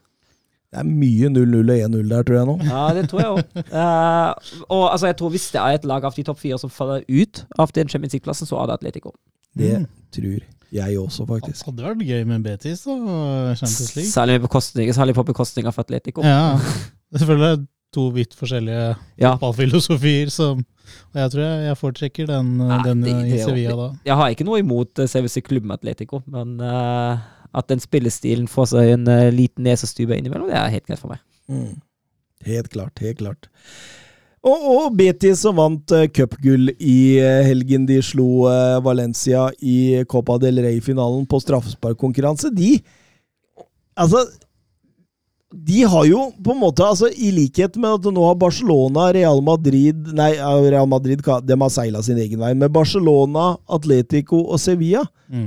har jo avgitt poeng! Det har vært Ja, og- muligheter å og- gå opp her! Og det som er så fint for Real Betis nå, nå har man vunnet cupen. Nå har man sikra Europaligaen neste sesong. Og nå har man bare ting å vinne. Det er ingenting å tape lenger. Om de faller til åttendeplass, det har ingenting å si. De spiller Europa neste sesong uansett. Nå er det bare å vinne ting. Og det er en fantastisk fin utgangsposisjon å ha. Ja, særlig når du ligger liksom fire poeng bak Atletico Madrid der. Og jakta, ja. Mm, mm. Det var veldig, veldig spennende, men jeg tror de er liksom litt irriterte der også. Det er altså 0-0 mot Real Sociedad, og det er særlig det 0-1-tapet mot Elche Mm. hjemme. Jeg tror Altså, hadde, hadde de hadde de i hvert fall fått tre poeng der, da, Mm. så hadde de jo ligget helt i hæla. Mm. Så det, det, det Altså, altså har de ikke så lett kampprogram. De, de siste fem har de blant annet Barcelona, Valencia og Real Madrid. Altså. Så uh, det kan bli tøft, det òg. Men samtidig, det, det kan være greit å, å møte rivalene der. Fordel er at vi også kan, trenger ikke å bekymre seg om Joaquin skal ta neste sesong eller ikke. Han annonserte at han tar et nytt år, han. Han spiller til han er 50. Ja, herlig. Ja, herlig. Eh, vi eh, går over til eh, Bundesliga. Er macht ein richtig gutes Spiel. Jan Schimonek. Die Wolfsburger lassen so gut wie nichts zu. Grafit. Grafit gegen Lell. Jetzt wird's eine Demütigung. Guckt euch das an. Bist du verrückt? Bist du verrückt? Tor des Jahres. Die Bayern der Lächerlichkeit Ja, og vi, da, da begynner vi rett på hovedkampen vår. eh, Bayern München mot eh, Dortmund. Altså der klassiker, som han uh, blir kalt, Søren Døpker. Ja, det er klassiker. Det, det, er jo, det er jo en herlig fotballkamp. Det er jo en av Nå sa jeg jo det om Liverpool mot Manchester City, at det er en av de som jeg ser mest fram til i sesongen. Og det er faktisk det samme med Bayern Dortmund. Det er alltid gøy, og i det siste har det alltid vært mange mål og mye underholdning. Mm. Lagene har møtt hverandre 130 ganger før dette, siden første oppgjøret oktober 1965, da Dortmund vant 2-0. 66 har endt med Bayern München-seiere, mens eh, 34 har endt med Dortmund-seiere. Toppskåreren eh, i disse møtene gjennom historien er ikke overraskende Robert Lewandowski, Ja, og på andreplass Gerd Müller. ja. I nyere tid, de siste 39 kampene, har Bayern München en vinnerprosent på godt over 50, så de har også gått tak på Dortmund i nyere tid. I det motsatte oppgjøret denne sesongen vant eh, Bayern München 3-2 på Signal Iduna etter matchvinnerskåring av Robert. Lewandowski. Lewandowski. Ja. Overraskende nok. Og tilsvarende sist sesong endte med 4-2 til Bayern München da Erling Braut Haaland satte to før det var gått ti minutter, men Robert Lewandowski. Og Bayern kom sterkt tilbake, Lewandowski da med hat trick. Premissene lå til rette. Bayern München kunne vinne Bundesliga med seier. Dortmund kunne sikre andreplassen med seier. Og det hadde vært litt bråk i, i, i etter at de røyk ut mot Villarreal der i Champions League. En Nagelsmann der som hadde fått eh, en voldsom mye hets fra supporterne Ja, sine. for drapstrusler og hele pakka, og det er jo Det hører jo ingen sted hjemme. Det er forkastelig, og det, det hører seg ikke. Nei, altså, øh, altså øh, vi, vi har jo vært litt inne på det her i denne poden, at det, det ser ikke like solid ut som med Hansi Flick. Under toppnivået under Flick er jeg enig i, men jeg, som sagt, jeg syns forrige sesong under Hansi Flick så ikke helt så solid ut, den heller, altså. Eh, Men, men det, men, men, litt mer glede, kanskje? Litt mer Ja. spille ja, altså. det, det var, altså, nå, nå, så det jo, nå så det jo særdeles tungt ut offensivt i siste kampen og det er jeg enig i. Det, det kan ikke Bayern være bekjent av. Nei. Uh, finner seg jo litt mer til rette i den her. Vi kom jo litt, uh, litt inn på det, tenker jeg. Men eh, ja, det var litt tungt. Og, altså, og det er jo Bayern er jo best mot Villarreal i, den, i uh, oppgjøret på Allians, men at man da til slutt ryker over to kamper, det, det er ikke så mye å si på det heller, altså. Nei, absolutt ikke. Absolutt ikke. For de sliter voldsomt med å skape sjanser. Det er for mange nok. Lagene, eh, begge spilte i 4-2-3-1. Eh, ikke så veldig eh, mange overraskelser på Bayern München. Nei, det er Hernandez som er tilbake for Nianzu og kommer og får seg etter å trene seg mot Bielefeld, men jeg vil jo si at akkurat nå er dette har den beste elveren Bayern München har. Som de Mm. startet da med. Mens Dortmund, der fikk jeg en liten sånn Oi, åssen skal dette gå? Tenker du på keeperen? Tenker du på bekkene? Ja, tenker, du på, tenker- tenker du på venstrekanten? Jeg tenker på Hitz, jeg tenker på Wolf, jeg tenker på Sagado, jeg tenker Ja. på Reinier. Det var, det var mye rart Det, her, det var altså. mye rart, ja. Det, det er jo altså Kobel er, Kobel er ute, og Hitz går mellom stolpene. Det er jo også Byrki, tidligere førstekeeperen, som er tilbake i troppen for første gang denne sesongen. Han er også på benken. Og så er det da Guerrero som er tilbake for Råta, og Renier som kommer inn for Witzel. Og går inn på venstrekant i en 4-2-3-1. Og det, det, den er kanskje det mest overraskende, da. Uh, Renier, at han får, får tillit der. Han var god i fem minutter, og så stoppa det opp. Ja, altså, det, altså, det tenker jeg, altså, det tenker jo nesten det er en sånn kamp der du nesten kan, be, kan tenke på å flytte Guerrero på den venstrekanten og bruke Råte, eventuelt Schulz, uh, som venstreback, da. Mm, mm. For jeg kan ikke se hvordan det hadde vært en dårligere løsning enn å ha Guerrero defensivt mot Nabri og Renier altså, Tør vi å kalle det offensivt? Ja, ja. Eh, Bayern München åpner eh, som vanlig litt sånn skeivt. De kjører Alfonso Davies høyt i banen. De Ja. trekker eh, Koma, nei, Gnabry langt ut på, på høyresida, og så inn med Pavard inn i en slags treer bak. Ja, og den er, jo, den er jo vanlig nå, i hvert fall når Davies har vært på banen, at Davies får denne veldig offensive kantrollen. Eh, nå er det jo Koma som har tatt over den litt mer frie rollen eh, til Leroy Sané. Han dukker jo opp både her og der, eh, og åpner venstrekanten for, uh, for Davis, mens Gnabry han står mottagelig for crossere, og Mm. får en god del av de òg. Mm. Og Dortmund var ikke så dårlig i starten. Nei, de henger med, de. Og litt overraskende, egentlig. Ja, altså, de- setter jo bra presspill i starten, Mm. og, og dette stresser eh, Bayern München litt. Ja, det blir, det blir slått en del langt i starten, og særlig, særlig gjenvinningsspillet til Dortmund i begynnelsen. Det er veldig bra. Mm. Men uh, så går det jo som det pleier å gå med Dortmund denne sesongen, her, at man starter en kamp veldig bra, og så faller man uh, litt med etter hvert. Eller omvendt. En fantastisk scoring der på 1-0 etter 14 Gnabry, ja. minutter. Den var, den var nydelig. Og da, det kommer jo etter en periode der Bayern har begynt å ta litt grep på kampen Ja. og funnet ut av det presset til, eh, til Dortmund, og har begynt på sin side å presse og stresse Dortmund. Dortmund sliter i frispillingen i perioden, eller minuttene før, minuttene før 1-0. Mm. Det er likevel den første målsjansen som vi ser i kampen, den 1-0-skåringa. Og det vil Goretzka som Det er Chan som mister markeringa. Ja. Og så er det, er det Goretzka som, uh, som header ballen ut igjen til Gnabry. Og Gnabry han demper han ved med låret og setter han inn uh, på, på volleyday. Og en nydelig skåring. ja, fantastisk. Men er Thomas Müller en av de mest undervurderte fotballspillerne vi har i verden i dag, eller den, hvordan han legger den ballen til rette der? Det var Goretzka. Var det Goretzka? Det var Goretzka. ja. Du, du gikk på Lars Kjernås-feilen, fordi Lars Kjernås Jeg flirer av han, altså. Han bare Og det er ikke tilfeldig!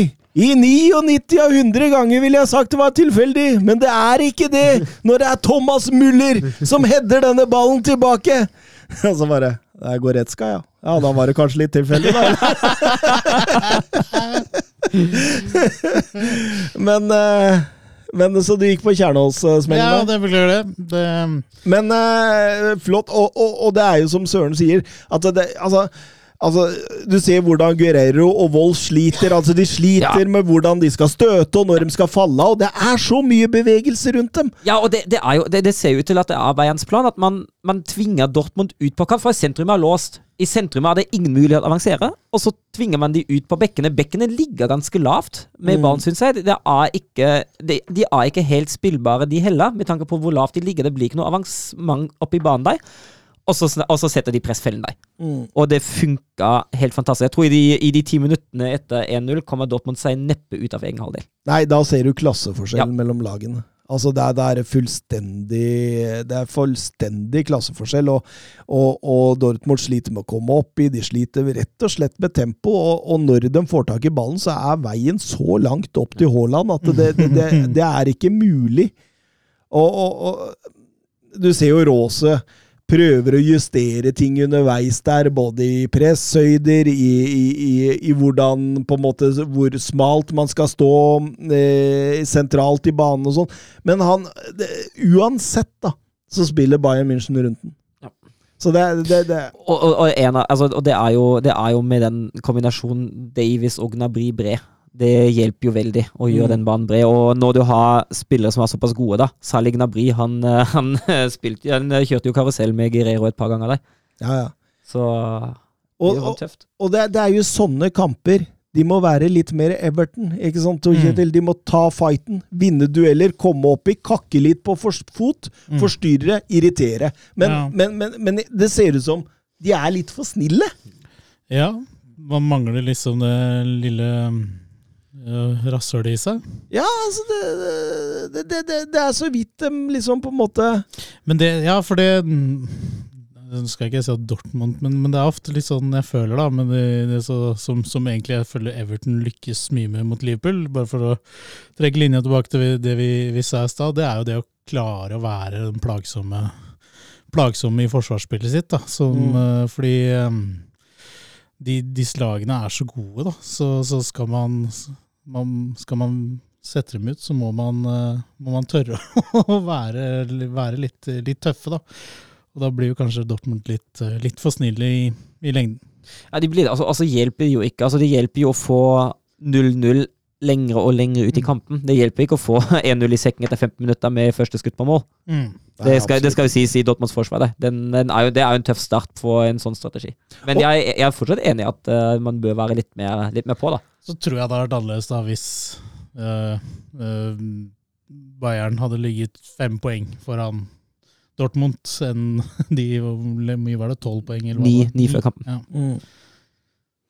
Absolutt. Haaland har en sjanse der etter 26 minutter. Eh, litt sånn tilfeldig, egentlig. Sagado der som bare klarerer. Og så, og så er det vel Haaland som gjør stort sett jobben foran av Brant og, og treffer ikke reint og han går utafor der. Eh, men, men, men det er stort sett det de har også. Bayern har ikke voldsomt mange sjanser, de heller, men, de, men det er jo dette spillemessige overtaket og alle disse tilløpa, da. Ja, og det, virker, altså det virker som om Bayern, Bayern, Bayern trives i den situasjonen de er i. Leder 1-0 og ha, ha et overtak og spille veldig tålmodig, syns jeg. Mm. Og vi, vi, så tror jo alle det blir 2-0 med Gnabry der, så viser det seg at Koman er i offside rett i forkant der. Men jeg, jeg tenkte jo litt på denne situasjonen. At det er liksom Det er story of eh, Borussia Dortmunds life innimellom, altså. Fordi eh, liksom Offensiv markering svikter. Personlig store feil både ved Wolf og Sagado Ja. der. Og det, det, det, den blir jo bare redda av VAR der, rett og slett. For det, det er så marginal offside at den eh, Den hadde jo ikke blitt tatt. Og, og rett etter der så er det Sagado som eh, Ja, Altså- jeg veit ikke hva han Nei, driver altså, med! altså det, det er sånn, altså Du ser på det, og så, og tar han Han har så god tid. Og så tar han én touch, og så tar han én touch til, og så veit han ikke helt hva han skal gjøre, og så er plutselig Gnabry der, og presser han, og da blir det panikk, og da slås ballen rett i en Bayern-spiller, ikke mye av det vel. Og da er det håpløst undertall uh, og bevegelser som Dortmund ikke klarer å fange opp, og Bayern får egentlig enkelt å får lett tre gjennom Lewandowski og en så god avslutter som han, han setter han. han. Ja.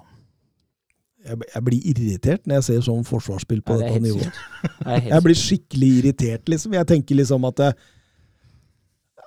Han agenten som henta denne kløna her, kunne like godt henta meg i min tid, liksom. Altså, det, det, altså, det er så dårlig, da. At du liksom på en måte lurer på hva i alle Altså, dager han driver med. Det, Og, det, det jeg ikke forstår, hvordan man kan spille på seg press i den situasjonen der. Nei, det, det er det bare Sagado som veit, for å si det sånn. Men da tenner det litt til. Blir noen tøffe dueller. Litt sånn altså det, det, bli- Chan blir jo sur. Det, det er det som skjer. Og frispillingen til Dortmund, katastrofe. De, de, og, og det jeg tenker på også, for å få tempo i det, da Se hvordan stopper stoppera puffer ballen til hverandre. Dem, de, altså, under så høyt press så spiller du ikke ballen skikkelig i gang, sånn at presset kommer jo helt oppi deg. Altså, gang på gang på gang. Altså, det er jo, det er jo livsfarlig. At, at, man, altså, at man går til pause kun med 2-0 under her, det, det kunne vært verre, altså. Det kunne vært verre. I hvert fall med tanke på det spillemessige overtaket Bayern har hatt. Mm. Men så kommer han ut fra pause, og så, og så får de seg tidlig straffespark. Ja, skal vi snakke litt om Pavard før òg? Ja, du kan gjøre det. Det med Brandt. Han, Den, han, eh, han, takler jo, han, han plasserer jo knottene sine godt inn i ankelen til eh, Julian Brandt. Mm. Og jeg tenker, altså han, han er jo heldig at han slipper kort, men man kan jo til og med diskutere fargen på det kortet der. Det kunne vært rødt. Det kunne vært, jeg, mener, jeg mener at gult også kan forsvare seg. Jeg Mm. mener ikke at det er en clear and obvious rødt kort, men jeg mener at hvis han har en litt streng dommer, eh, så kan han ryke deg. Og, og da kunne jo Pavar vært utvist etter 59 minutter, hvis det også Men det kommer vi tilbake til, fordi Dortmund får jo et straffespark. Det er Kimmich der som er i hæla på Meien det! Litt, litt teit, eller? Litt Ja, det ser litt sånn ut, altså.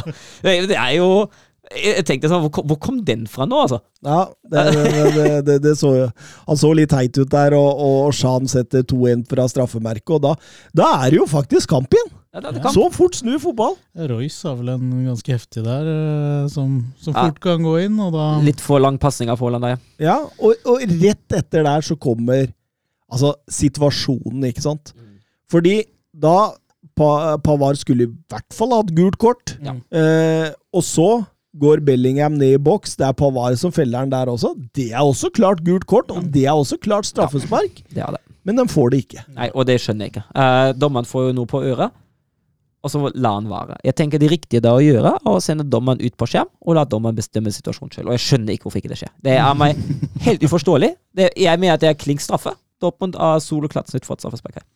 Og da kunne det bli 2-2, og Dortmund var 10, 10 mot uh, 11 mot 10. Ja, og hadde flowen med seg. Utvikling i kampen med seg. Ja, fordi da, da bølga det mer. Det var mer Ja, end-to-end-action der. og og det, det er klart det at ehm, altså de, de, de produserer ikke sånn voldsomt med sjanser, men det gjør heller ikke Bayern på denne tidspunktet her. Nei, det endrer seg jo nå Nagelsmann bytter inn Mosiala for Gnabry. da. mm, For et bytte. Han var god. For et bytte. Og rett etterpå kommer Jamie Bino Gittens inn for uh, Det er gøy. Han Det fikk, jo, han fikk jo sin debut nå mot Wolfsburg forrige helg, en kamp som jeg helst vil glemme. ja. Men det er litt morsomt. Han er jo, han er jo eh, ansett for å være den nye Jaden Sancho. Han har jo en lignende, lignende utvikling som han. Han er ungt engelsk talent. Han har gått gradene i Manchester City, og nå er han i Dortmund og jakter sitt gjennombrudd. Og skal være en meget spennende spiller, og ganske lik Jaden Sancho i spilletype også, etter alt jeg har hørt. Altså, hvor god kommer England til å bli til slutt? Vi var inne på det. Vi fikk et spørsmål fra han eh, godeste faste lytteren vår, Geir Halvor Kleiva, som har oppkalt en ku etter Søren Dupker.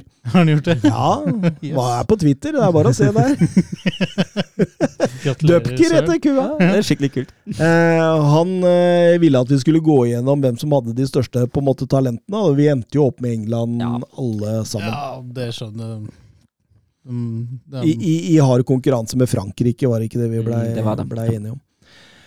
Um, ja, så skjer det jo et par bytter der. Lewandowski er nær 3-1 der, og, og etter hvert så begynner Bayern München å få kontroll igjen. Ja, jeg føler etter, etter sånn 60 år ut, da, så begynner, så begynner Bayern å demme opp for, eh, for eh, rommet bak. Uh, og så sitter gegenpressing og så mye bedre den offensive markeringen fungerer, så Dortmund kommer ikke på noen særlige overganger lenger. Og da er det egentlig, det er egentlig et spørsmål om tid før 3-1 kommer. Hitsa jo en strålende redning også mot Lewandowski. Og 3-1 måtte komme av den av kampens store spiller i de 30 minuttene han spilte, med Shamal Musiala. Det spilles fri bak Wolf der. Wolf som hadde en forferdelig kamp. Drar seg innover og, og fyrer av hits, gir en klønete retur, vil jeg si. eh, Og ballen beines rett til hver Guerreiro. Eh, Sabitz vinner nedfallsfrukten, og, og Musiala setter 3-1.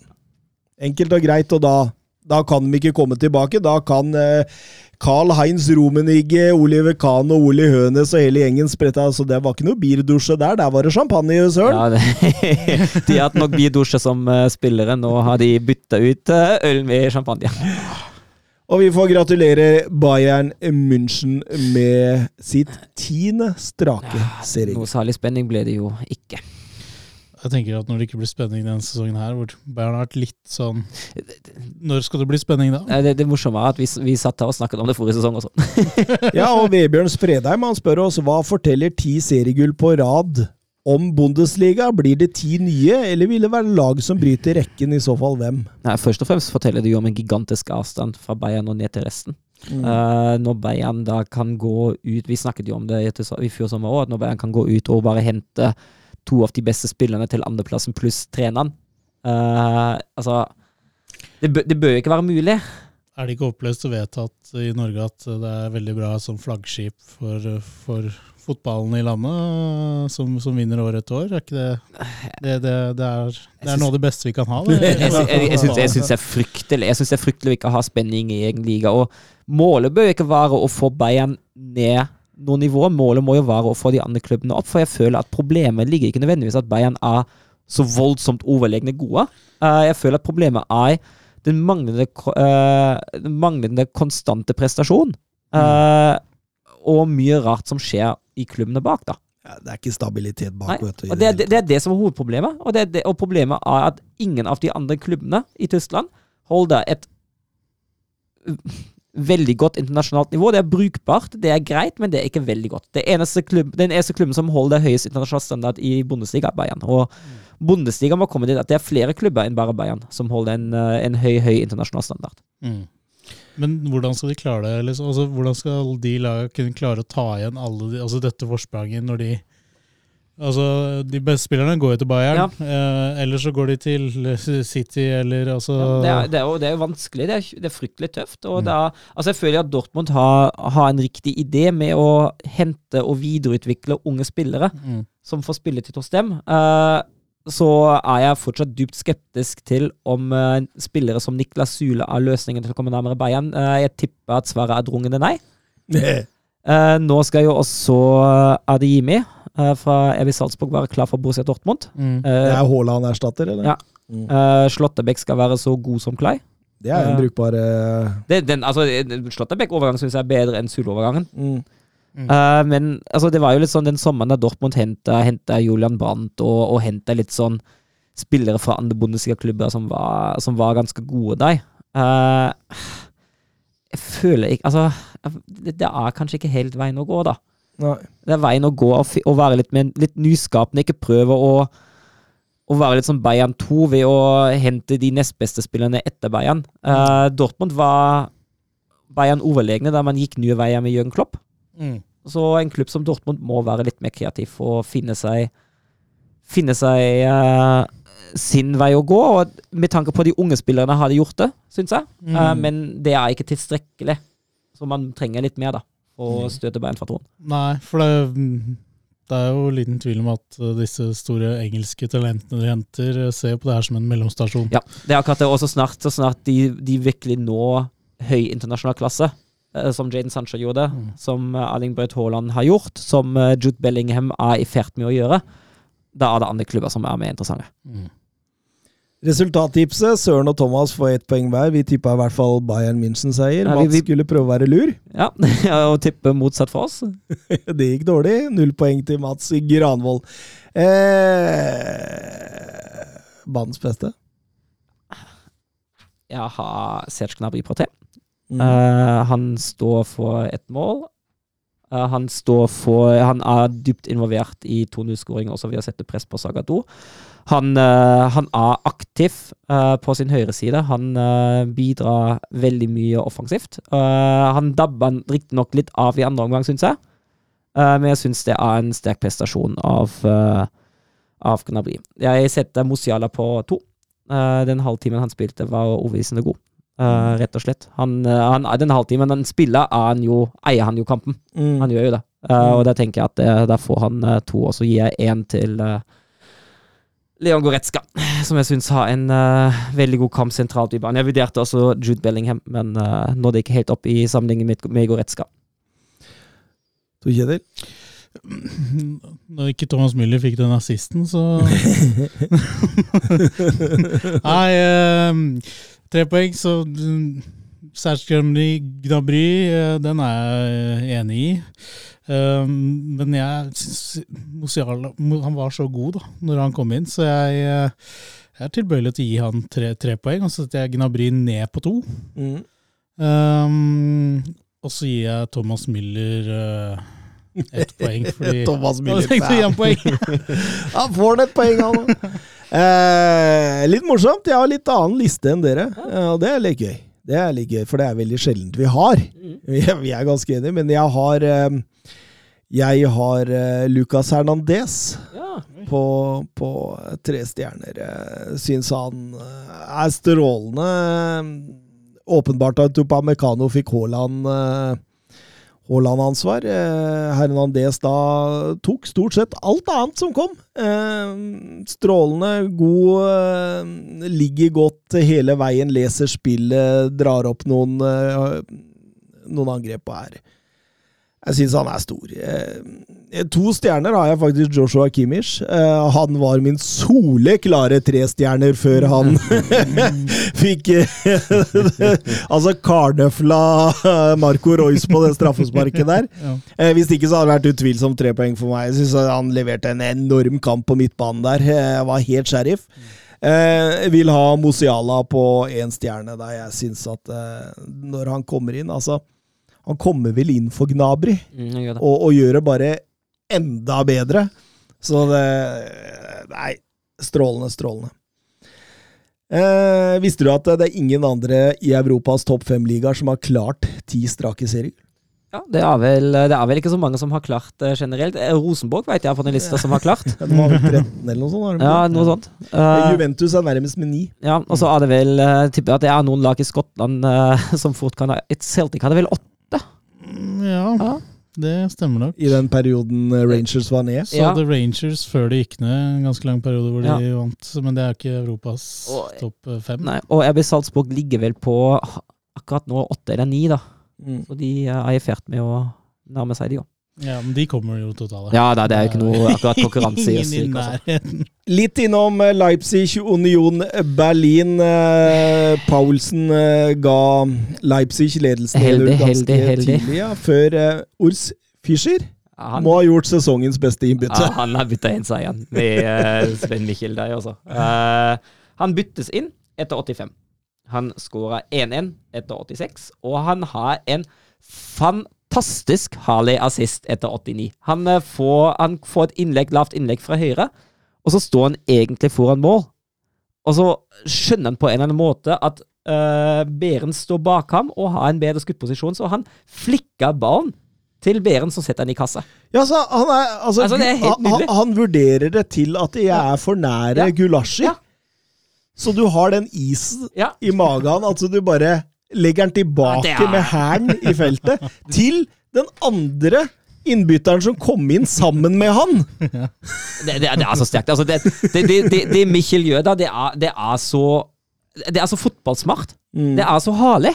Og så har han teknikken til å utføre det også. Det, det, er, det er nydelig, altså. Og for en deilig revansj med tanke Ja, på på på cupsemifinalen. For da skjedde jo det omvendte. Da De møttes jo fire dager før til semifinalen i cupen, og da leder Union Berlin 1-0. Og Leipzig skåra 2-1 på overtid uh, ved Emil Forsberg. Holder vel liv da i en Champions League-drøm for Union Berlin. Mm. Da holdes jo Champions League-drømmen i, i, Nei, for Champions League for Union blir det nok ikke, men uh, kjemper fortsatt om Europa. Men Det hadde vært sjukt. Ja. Det hadde vært sjukt. Tenk, eh, tenk Ja. Champions League på alter første Ja, det hadde vært nydelig. Det hadde vært nydelig, og det hadde bekostning av RB Leipzig. Liksom. og en, en, en større mismatch med tanke på hvordan stadion er, og med tanke på hva slags turnering Champions League framstår å være. Det kan jo ikke finnes, og det, det mener jeg er utelukkende positivt, altså. Ja, Det gjør ikke Uefa, tror jeg. De hadde, de hadde bare Nei! Å nei! Men eh, Leipzig var dårlig i denne Ja, kampen. det er Leipzig, Leipzig slet, og det er jo litt sånn den oppskrifta som vi har sett, som fungerer veldig godt mot Leipzig, når du stenger sentrum, eh, når du hindrer kombinasjonsspillet til Leipzig, så blir det litt flatt batteri. Og Tedesco han, eh, han må finne løsninger for det, for det er flere og flere lag som tur til det der. altså. Mm. Mm. Eh, Leverkosen smadra Grete Furt. Ja, det var jo eh, Linde, tidligere Molde-keeperen, uh, dreit seg jo litt ut. Førte leder jo 1-0. Eh, så skulle Skikk 1-1 etter corner, og så tok Linde Mente at eh, vi slår ballen rett på Asmoen, vi. Så, Ja. eh, og så var det Leverkosen spilte ikke en særdeles god kamp, i heller. Men Født var såpass dårlig at det ble likevel 4-1. nå. jeg synes Vi har snakka litt om den tierrollen, da. Mm. I den Wirtz-rollen etter at eh, Florian Wirtz ble skada. Og i denne kampen var det jo, uh, var det jo nos- nysignering av Serdar Asmoon som spilte i en tierrollen. Og jeg syns han gjorde en god kamp. Eh, han, har, han har en god følelse for rom. Uh, han har en god oversikt, og han slår gode pasninger. Uh, og han står egentlig bak det aller meste Leverkosen skapte offensivt. Han har altså nydelig assist på 3-1 deg, Eh, så det her kan fort bli en løsning. Ja, og det er jo strålende å finne den Wirtz-erstatteren med en gang Ja, nå. altså, han er jo ikke en Florian Wirtz. Det er jo Florian Wirtz har jo visse kvaliteter som ikke Asmoen har, da. For all del. Men uh, kan være en god stedfortreder fram til Wirtz er tilbake, føler jeg. Ja, også, også Leverkosen, da. De, de, de trenger jo den type mellomromsspiller som vi snakka om. og, Altså, De ligger bare to poeng foran Freiburg, fem poeng foran Union. Mm. Og, så så det, det, det er jo ikke kjørt her med tanke på Champions League-plassen, så de, de, de, de trenger jo Altså, de har jo sett vesentlig svakere ut uten Ja, Wirtz. de hadde, og har de slitt med å skåre mål. Det har vært det store problemet til Leverkosen de siste kampene. Patrick Schick eh, tangerte Dimitar Berbatovs eh, klubbskåring, klubbrekord, mener jeg, om å være den ikke-tyske spilleren med flest mål for, i en sesong for eh, Leverkosen, med 21. Kult. Og Leverkosen passerte 70 mål med 4-1-seieren her, og har kun klart det tre ganger tidligere. Eh, og, det første, og det er første gang siden 03-04-sesongen. Og det sier litt om jobben Seuana har gjort Ja, med dette laget offensivt. syns, han, syns han har vært strålende. Helt eh, nydelig. Eh, liten tur innom Freiburg. Eh, Ja, da var det da, I den kampen var himmel og helvete nære hverandre for begge lag. Eh, Mönchengladbach leder 2-0 etter 13 minutter. Det var, det, jeg kan jo si at Det motsatte oppgjøret var jo den da Freiburg vant 6-0 og leder 6-0 til pausen. oh, ja, ja. eh, I Borussia Park. Eh, så har tok Mönchengladbach og leder tidlig 2-0 eh, til pausen. Holdt også inn til pausen. Freiburg klarer å snu det her. Uh, og skåra 3-2 ti minutter før slutt. Eh, og så tre minutter på overtid at Stindel utligna til 3-3. Det hadde nok vært fortjent med Freiburg-seier, som var det beste laget her. Eh, men uh, en liten uaktsomhet mot slutten som uh, kosta Freiburg-seieren der. Og det, er- det, det er surt for Christian Ja, Streich, det dette. Altså, straffen uh, det- Gladbach får så etter Det er vel kanskje åtte sekunder der? Ta den, ikke- tar ikke lang tid.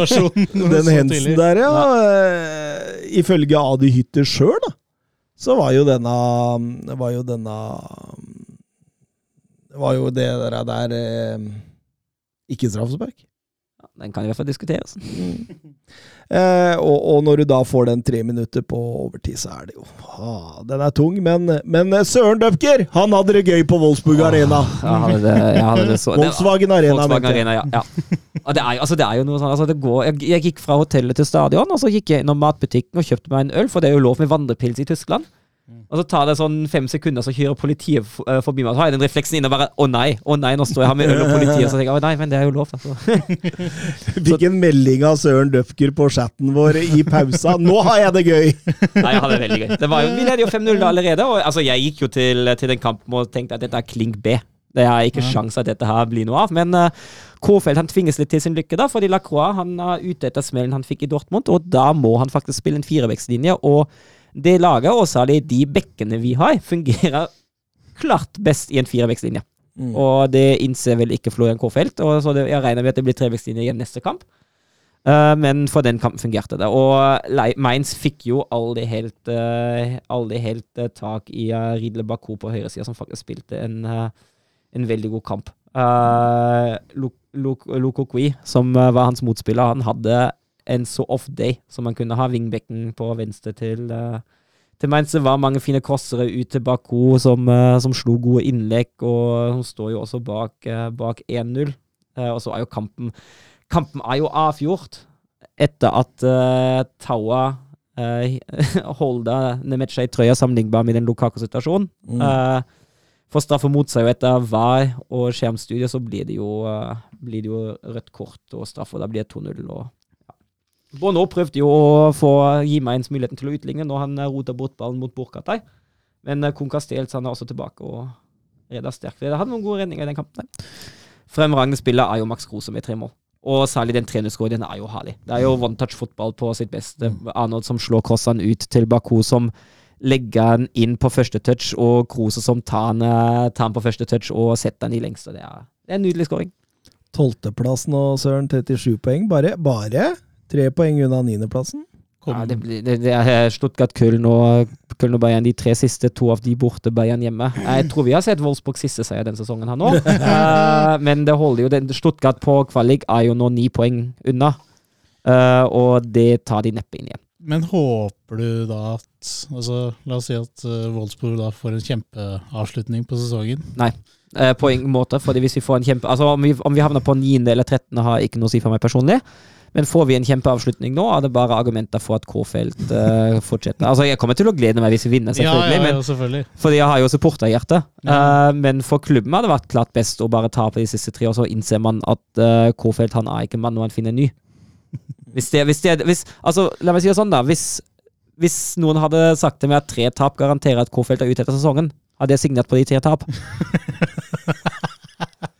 Deilig. Vi får også nevne at Hertha Berlin eh, slo Stuttgart 2-0, og dermed har tatt seg en, fått seg en liten luke. Ja, fire, fire poeng ned til kvalik. Uh, så nå tyder veldig mye på at uh, Stuttgart uh, får den kvalikplassen. Hertha vant jo to av de duellene nå mot nedrykkslag. De slo jo Augsburg forrige uke 1-0, og nå Stuttgart eh, 2-0. Så de avgjørende kampene, da var Hertha nå til stede. Det kan jo også nevnes at etter den, etter den bråken, etter bråket med supportere, etter Union-kampen, etter derbyet 1-4 der noen spillere ble tvunget til å legge fra seg drakta, eh, ta seg drakta, eh, så droppet eh, Hertha-laget nå å takke supporterne etter kampen og bare gikk rett i garderoben. Minner meg litt om Schalke, dette der. Schalke, og- Schalke om igjen. Eh, Neste sesong så er det helt ræva og helt i bånn. Ja, det kan Vi får se. Schalke holder på å rykke opp nå, så. De Samme mot Werder verdi, Bremen. Bremen. Ja, de, de slo Veda Bremen nå eh, i toppoppgjøret eh, på lørdag, var det vel. Mangler jo bare Hamburg, så begynner det å se ut som en hva, vanlig Bundesliga. Det hadde vært, jeg, hadde, jeg hadde hatt det så gøy. Jeg tror ikke det skjer, men hvis St. Pauli skulle rykke opp og Hamburg skulle bli andre Bundesliga, det hadde jeg syntes var gøy. Og det er gode ord eh, før vi eh, setter over til eh, Serie A. era il marcatore di Cannavaro. Palla tagliata, messa fuori, c'è Pirlo, Pirlo, Pirlo, ancora Pirlo di tacco, tiro, Grosso,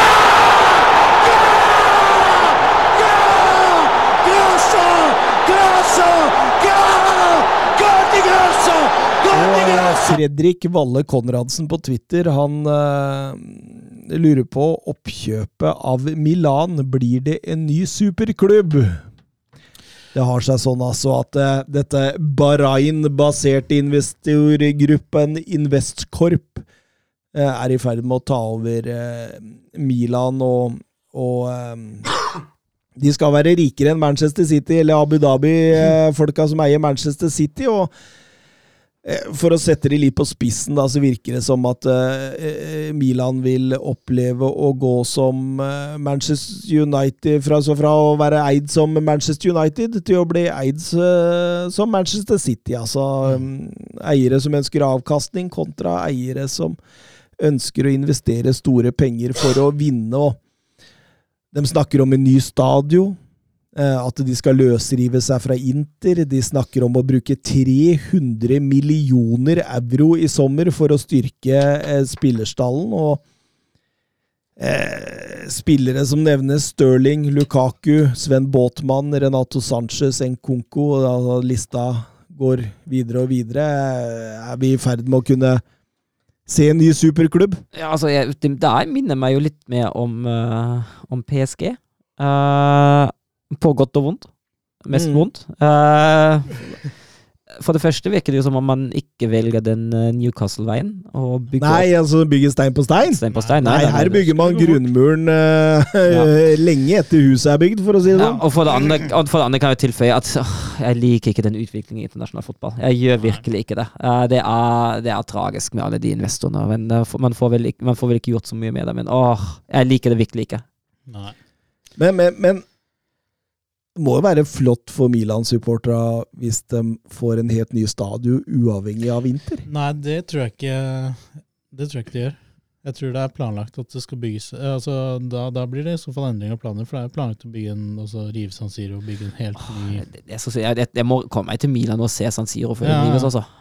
Men, men det, da er det snakk om Mm. et delingsprosjekt da, mellom eh, Inter og Milan, Ja, jeg selv etter Bahrain Ja, det tar vet jeg, da er det noe nytt som har kommet. Ja, fordi de snakker om å løsrive seg fra dette. ja, ja, for det er, den stadion er tegna, og jeg tror planene er vedtatt. og sånt. Ja, jeg tror du har litt rett i. Jeg tror det er, Mm. det er planen, i hvert fall. Men eh, ja, det er klart de Med 300 millioner euro ut på sommermarkedet, det kan bli en, en voldsom eh, sommer vi har i vente her, eh, i forhold til transfers. Ja, hvis, det er flere lag som skal storhandle nå, altså.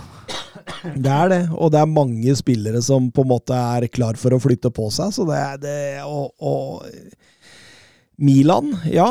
Altså, jeg var litt inne på det med Søren før sending her, at det er jo egentlig bare PSG og i England dette fenomenet med store penger fra Midtøsten eh, har dukka opp. Så hvis, hvis Milan gjør det, så får de, de får en kjempefordel i forhold til andre Serie A-lag. Selvfølgelig gjør de det. Og Men det som er litt annerledes med Milan, da, det er at det, det er en, ikke sant? De andre har kjøpt opp en City, ja, altså, som ikke var noen storklubb eh, sånn sett, med, med en masse historie med, med å vinne. Men Milan er jo en svær, gigantisk, historisk klubb, så, så de kjøper jo De kjøper historie. Ja, og, og liksom Jeg tenker hvis jeg hadde La oss si da at de hadde kjøpt opp Milan på samme tidspunkt som, som Manchester City, og jeg var eh, en veldig, veldig god fotballspiller, så tror jeg heller jeg hadde gått på Milan-toget enn City-toget, på grunn av at det er jo en litt mer spennende klubb sånn sett. Så, så jeg tror at de kan tiltrekke seg meget store navn når, de, når, de, når de får penger eh, å, å, å bruke. De snakker om at det vil ikke bli noe revolusjon, men en evolusjon, og at viktige brikker som eh, Masarra og Maldini vil fortsatt figurere i, i planene. Ja, det- jeg. Jeg tenker jo det, ja, det er også lurt med tanke på supporten altså, å kaste ut eh, og, og det første du kjøper deg inn, og det første du gjør, kaste ut eh, Paolo Maldini, selveste legenden, eh, fra kontorene til, på San Siro. Det tror jeg ikke er det smarteste du gjør. altså. Absolutt ikke. Eh, Milan eh, spilte kamp i helgen, dem. Eh, vant eh, på hengende håret borte mot eh, Lazio. Ja, Men likevel fullt fortjent. Eh, det skal sies, fordi altså Lazio tar en tidlig ledelse, og etter det er det jo bare Milan. Lazio forsvarer seg, Lazio ligger dypt, og prøver å, å få seieren over kanskje sette en avfyrende kontring, men det er jo Milan som styrer spillet, og igjen er det særlig mye som skjer via Rafael Leao. Mm. Han, eh, han er virkelig god om dagen. Ja, og samtidig som Sandro Tonali eide Ja. jo, eide jo alt der nå. Nå, nå, nå syns jeg Sandro Tonali virker som den spilleren jeg tenkte Milan henta fra Brescia. Altså, nå er det litt Andrea Pirlo over det. Og det er fantastisk. Og han avgjør også denne kampen etter at Giroud eh, setter 1-1 der tidlig i annen omgang. Og jeg er helt enig med deg, Søren. Det, det, det, Milan så, altså det, det så ut også som Milan hadde mer å spille for da, enn eh, det Saris menn i, i Lazio har. Um, vi fikk også et uh, stort, stort oppgjør mellom Inter og Roma. En aldri så lite must-win for Roma om det skulle karre seg opp på topp fire. Inter på sin side har jo klart å, å finne formen igjen. Ja, og det, det tar jo litt tid før kampen kommer sånn skikkelig i gang, føler jeg. Uh, men når kampen først kommer i gang, uh, så er det jo Inter som styrer den der. Uh, Roma har jo den ene gode sjansen ved Mancini, som kunne ha satt eh, 1-0 og sjokkert uh, Inter, men utenom det handler jo egentlig alt om Inter. Og igjen, det er fullt fortjent at Inter leder 2-0 til pausen, og eh, Dumfries og Brozovic som skårer. To fantastiske mål. Ja. Uh, Dumfries med, med sin oppfattelse av Rom, og Brozovic som setter den i kryss. Og, Ja, vi, vi, vi må snakke noe det- Vi, må snakke, vi har snakka mye Denzil Dumfries før, men vi, vi, vi, må gjøre det igjen. Altså, altså For en for, altså, det, det, det er ikke en liten nedgradering engang til Hakimi. Det, det er nesten sånn at vi kan begynne å snakke oppgradering. Og til den prisen han eh, kom for. Ja. Det, Ja, 13 millioner euro. Det er jo et av sesongens soleklart beste kjøp. Ja, jeg, jeg digger hvor, hva, altså, jeg, jeg digger hvordan han oppfatter offensive rom. Hvordan han finner de, hvordan han støter i de med hvilken energi, med hvilken hastighet, hvilken fart. Det er, det er helt fantastisk. Det er jo et fysisk vidunder. Han orker jo å løpe 90 minutter opp og ned den linja der Ja. hele tida. Han er faktisk bedre defensivt enn mange vil ha det til.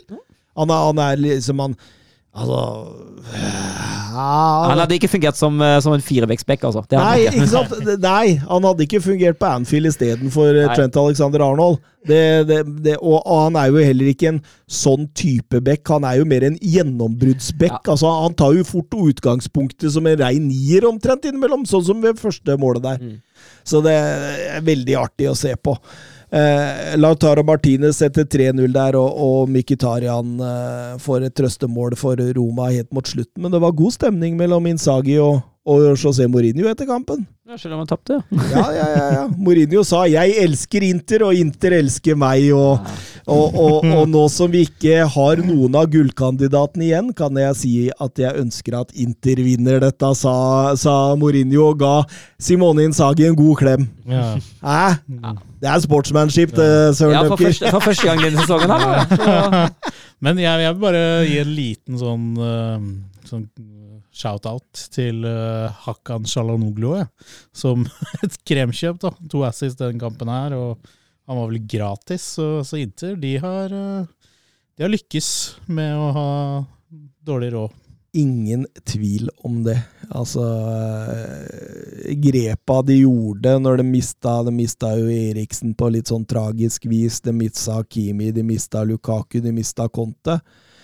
De erstatter Conte med en, altså en med omtrent tilsvarende spillerfilosofi, og da ligger jo også mye av spillestallen der. Og så måtte du ha erstattere, og da finner du en Edin Tseko som fortsatt har mange mål i seg.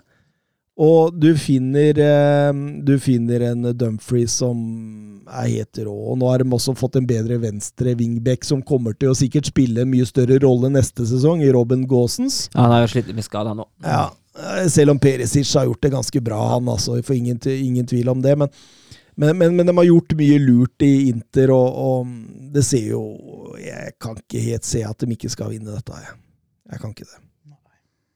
Får holde på vårt, Søren Dupker. Ja, vi må stå på vårt.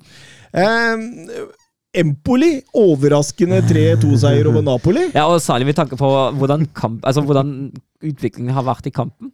Empoli var jo egentlig døde. Mm. Napoli leder jo 2-0 fram til ti minutter fra slutt. Og så er det er det først Henderson som skårer 1-2, og så er det vel altså Det er jo ikke mer Det er tidligere Rosenborg-spiller. Ja. ja. Ja, Altså er det ikke Miré som skåra, men vi kan vel likevel kreditere ham for 2-2, da. ja. Forferdelig keeperspill der nå. han Altså, står bakerst og bare banker ballen i Pinamonti. Ja, altså herregud. Altså, hvordan er det med det å spille på seg press igjen, da? Ja, det Og Pinamonti gjør også 3-2 der, og da har jo leiesoldaten fra Inter eh, virkelig klart å hjelpe sitt eget lag til å hekte Napoli av. Og eh, to store personlige feil der. eh, Vi kan jo fint si også at Kevin Malcoit der i forkant av 1-3 der gjør en kjempetabbe hvor han bare tar med seg ballen bakover og mister den til slutt, og det blir direkte scoring ut av det. og det skal visst ha vært voldsomt dårlig stemning i garderoben til Napoli etter, eh, etter kampen. Se for meg det sted der eh, når, når, når det begynner å ligne noe som kan bli noe, så er det et sted det er vanskelig å være i Napoli. ass, For da tror jeg det koker så enormt mye rundt den klubben og, og de spillerne. Så, så jeg, jeg kan se for meg det, ja.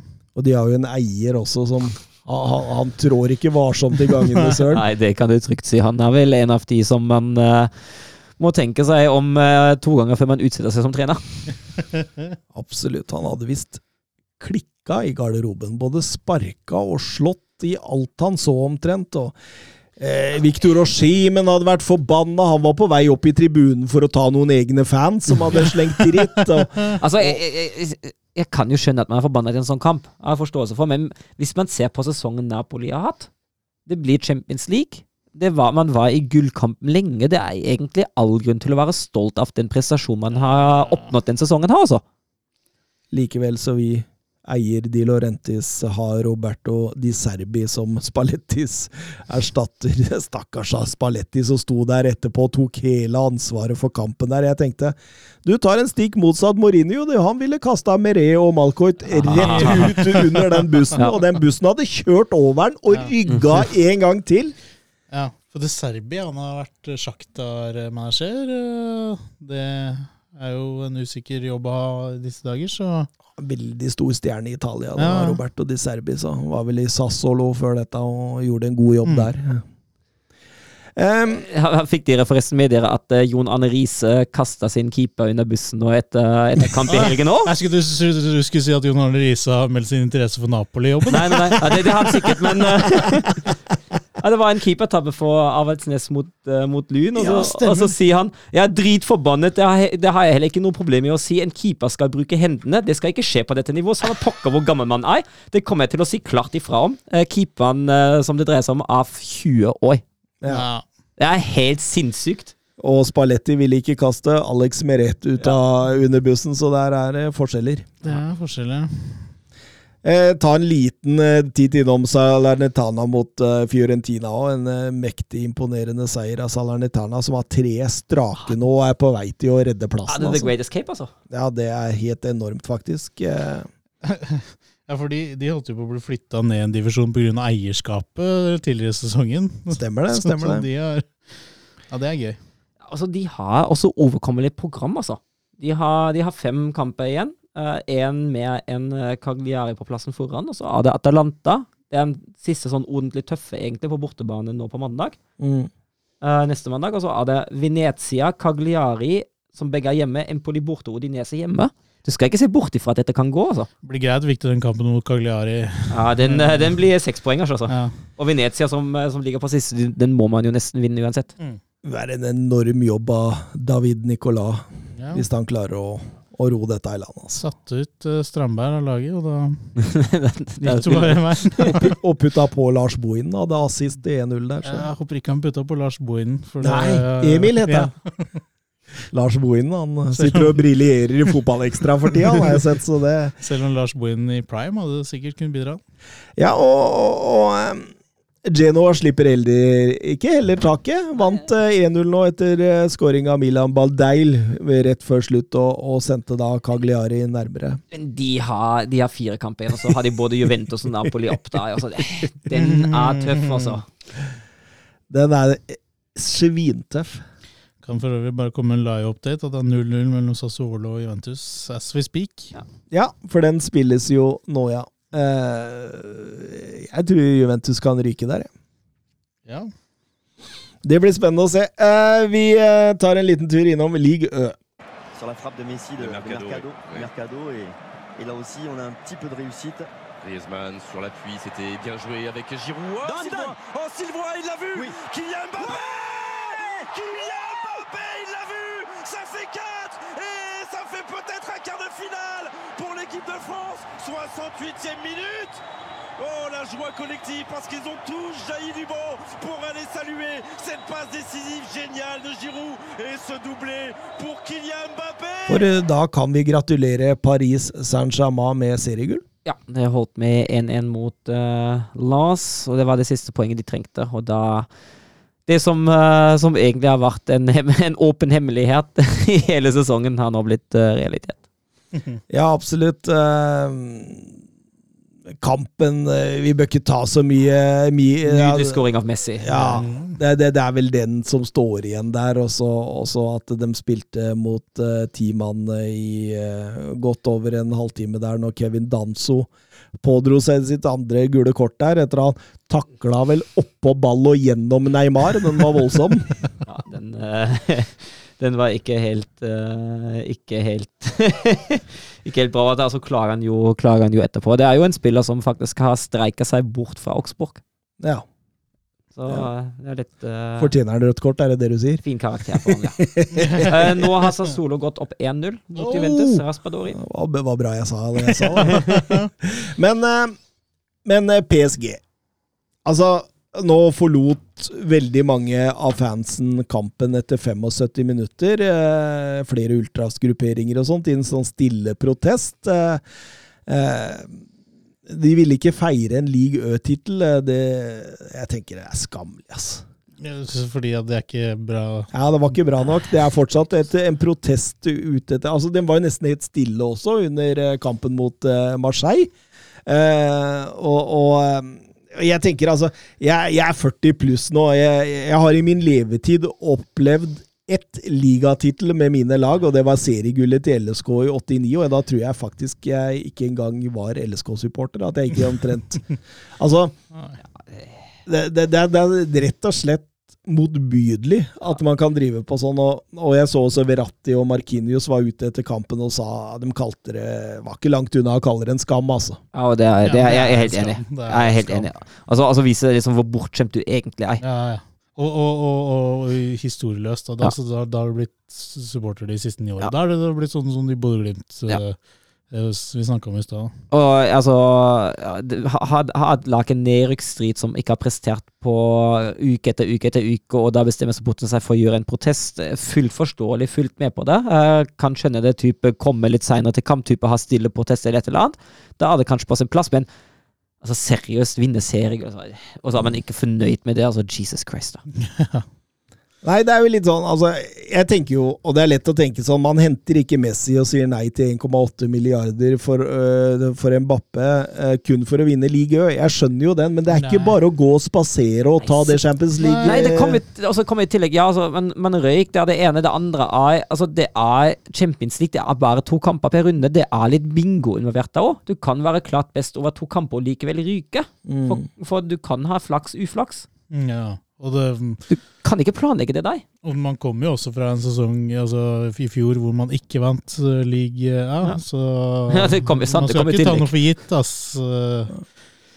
Men jeg, jeg, jeg tror det må noe med klubbkulturen til her.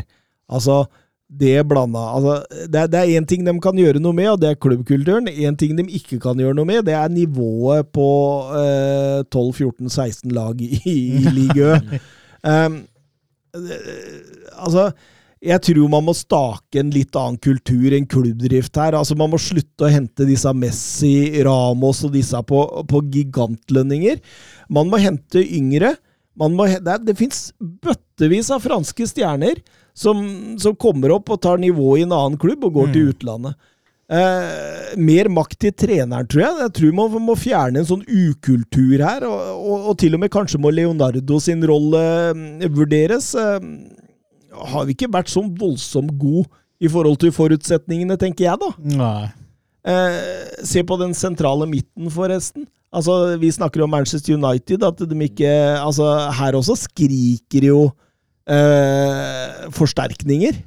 Eh, altså Ander Herrera, Idrissa Gay, Danilo Pereira, eh, Leonardo pa Paredes Det er jo ikke gode nok spillere for å vinne Champions League. Nei, Den eneste som egentlig er god nok sentralt, er jo Verratti. Ja, og han er ofte skada, Ja. og liksom du veit ikke helt eh, når han Altså, du må fortsette med det der kjøpe typene Nuno, Mendes, Akraf Hakimi. De typene må du fortsette å kjøpe. Stjerner i god alder. Og så må du ikke kvitte deg med de egenproduserte for et slikk og ingenting. Nei, nei. Koman, Nkoko, du har Ferla Mendy. Ja. Som den bare hiver vekk. Ja. Ja, det, det er der man må begynne. Ja. Det fins sikkert et par uh, fotballtalenter i Paris som, ja. som man kunne satsa litt på, ja, og fått litt lokal uh... Ja, De blomstrer jo nå andre steder. Mm. Og Leonardo Det skulle ikke forundre meg hvis Erik Ten Hag sier at Cristiano Ronaldo han vil jeg ikke ha, så er han der. Det, blir, det, det er sånn typisk PSG-overgang. ja, Det hadde vært veldig typisk PSG-overgang. ja, ja. Og, og, og det er her det må slutte. Mm. Og så må de begynne å bygge et lag som vanlige folk fra Paris kan identifisere seg med. Og så, kan de gjerne spe på med et par stjerner. Ja, ja. Det, altså, det, det gikk fint med Zlatan der. Kavani er eh, klubbens toppskårer nummer én gjennom alle tider, han. Mm. Det, det går an, det. Men det er liksom Det der av Messi, Icardi, eh, Sergio eh, Altså Ramos Ja. Altså Det fins det, det er så mye sånn som ikke taler for at dette blir bra, da. ja. Og jeg syns jo nesten synd på Pochettino. Det ser jo ikke ut som han kan vente til å komme seg ut derfra. Nei, jeg ser for meg det er kjedelig. Altså det, det høres ut som gøy da, hvis du er trener og kunne ta, ta et lag hvor du har nesten ubegrensa midler. Men, men jeg tror det også blir du, du styrer jo ikke så mye av hva slags spillere du får inn sjøl. For det Nei, men altså, man må jo likevel ta sin del av ansvaret for at sesongen har blitt som den har blitt. ja. Det må han jo. En trener kan, er ikke fri for ansvaret for en Nei, nei, nei, han er ikke fri, men, jeg, men det jeg tenker med mer makt til treneren, det er det at eh, jeg tror det ville blitt rabalder om han ikke for eksempel brukte Neymar eh, hvis Neymar var spilleklar, hvis du skjønner hva jeg mener. Jeg, jeg, jeg, jeg, jeg- tror det sitter krefter Jo. over treneren der, da. Selvfølgelig, men uh, jeg føler jo at samtidig at den fronttrioen er jo såpass bra at hvis man har alle de tre tilgjengelig, da bør jo en, altså han bør jo som trener være i stand til å få dem til å fungere sammen, da. Jo, det, det, det er jo for så vidt klart, men eh, altså Samtidig, hvis du har din egen filosofi Du har altså eh, eh, Pochettino er jo opptatt av at eh, spillere skal jobbe knallhardt defensivt. Mm. Og så, stå, så, så får man Messi, egentlig uten at han vil det, og så har du Neymar der fra før av.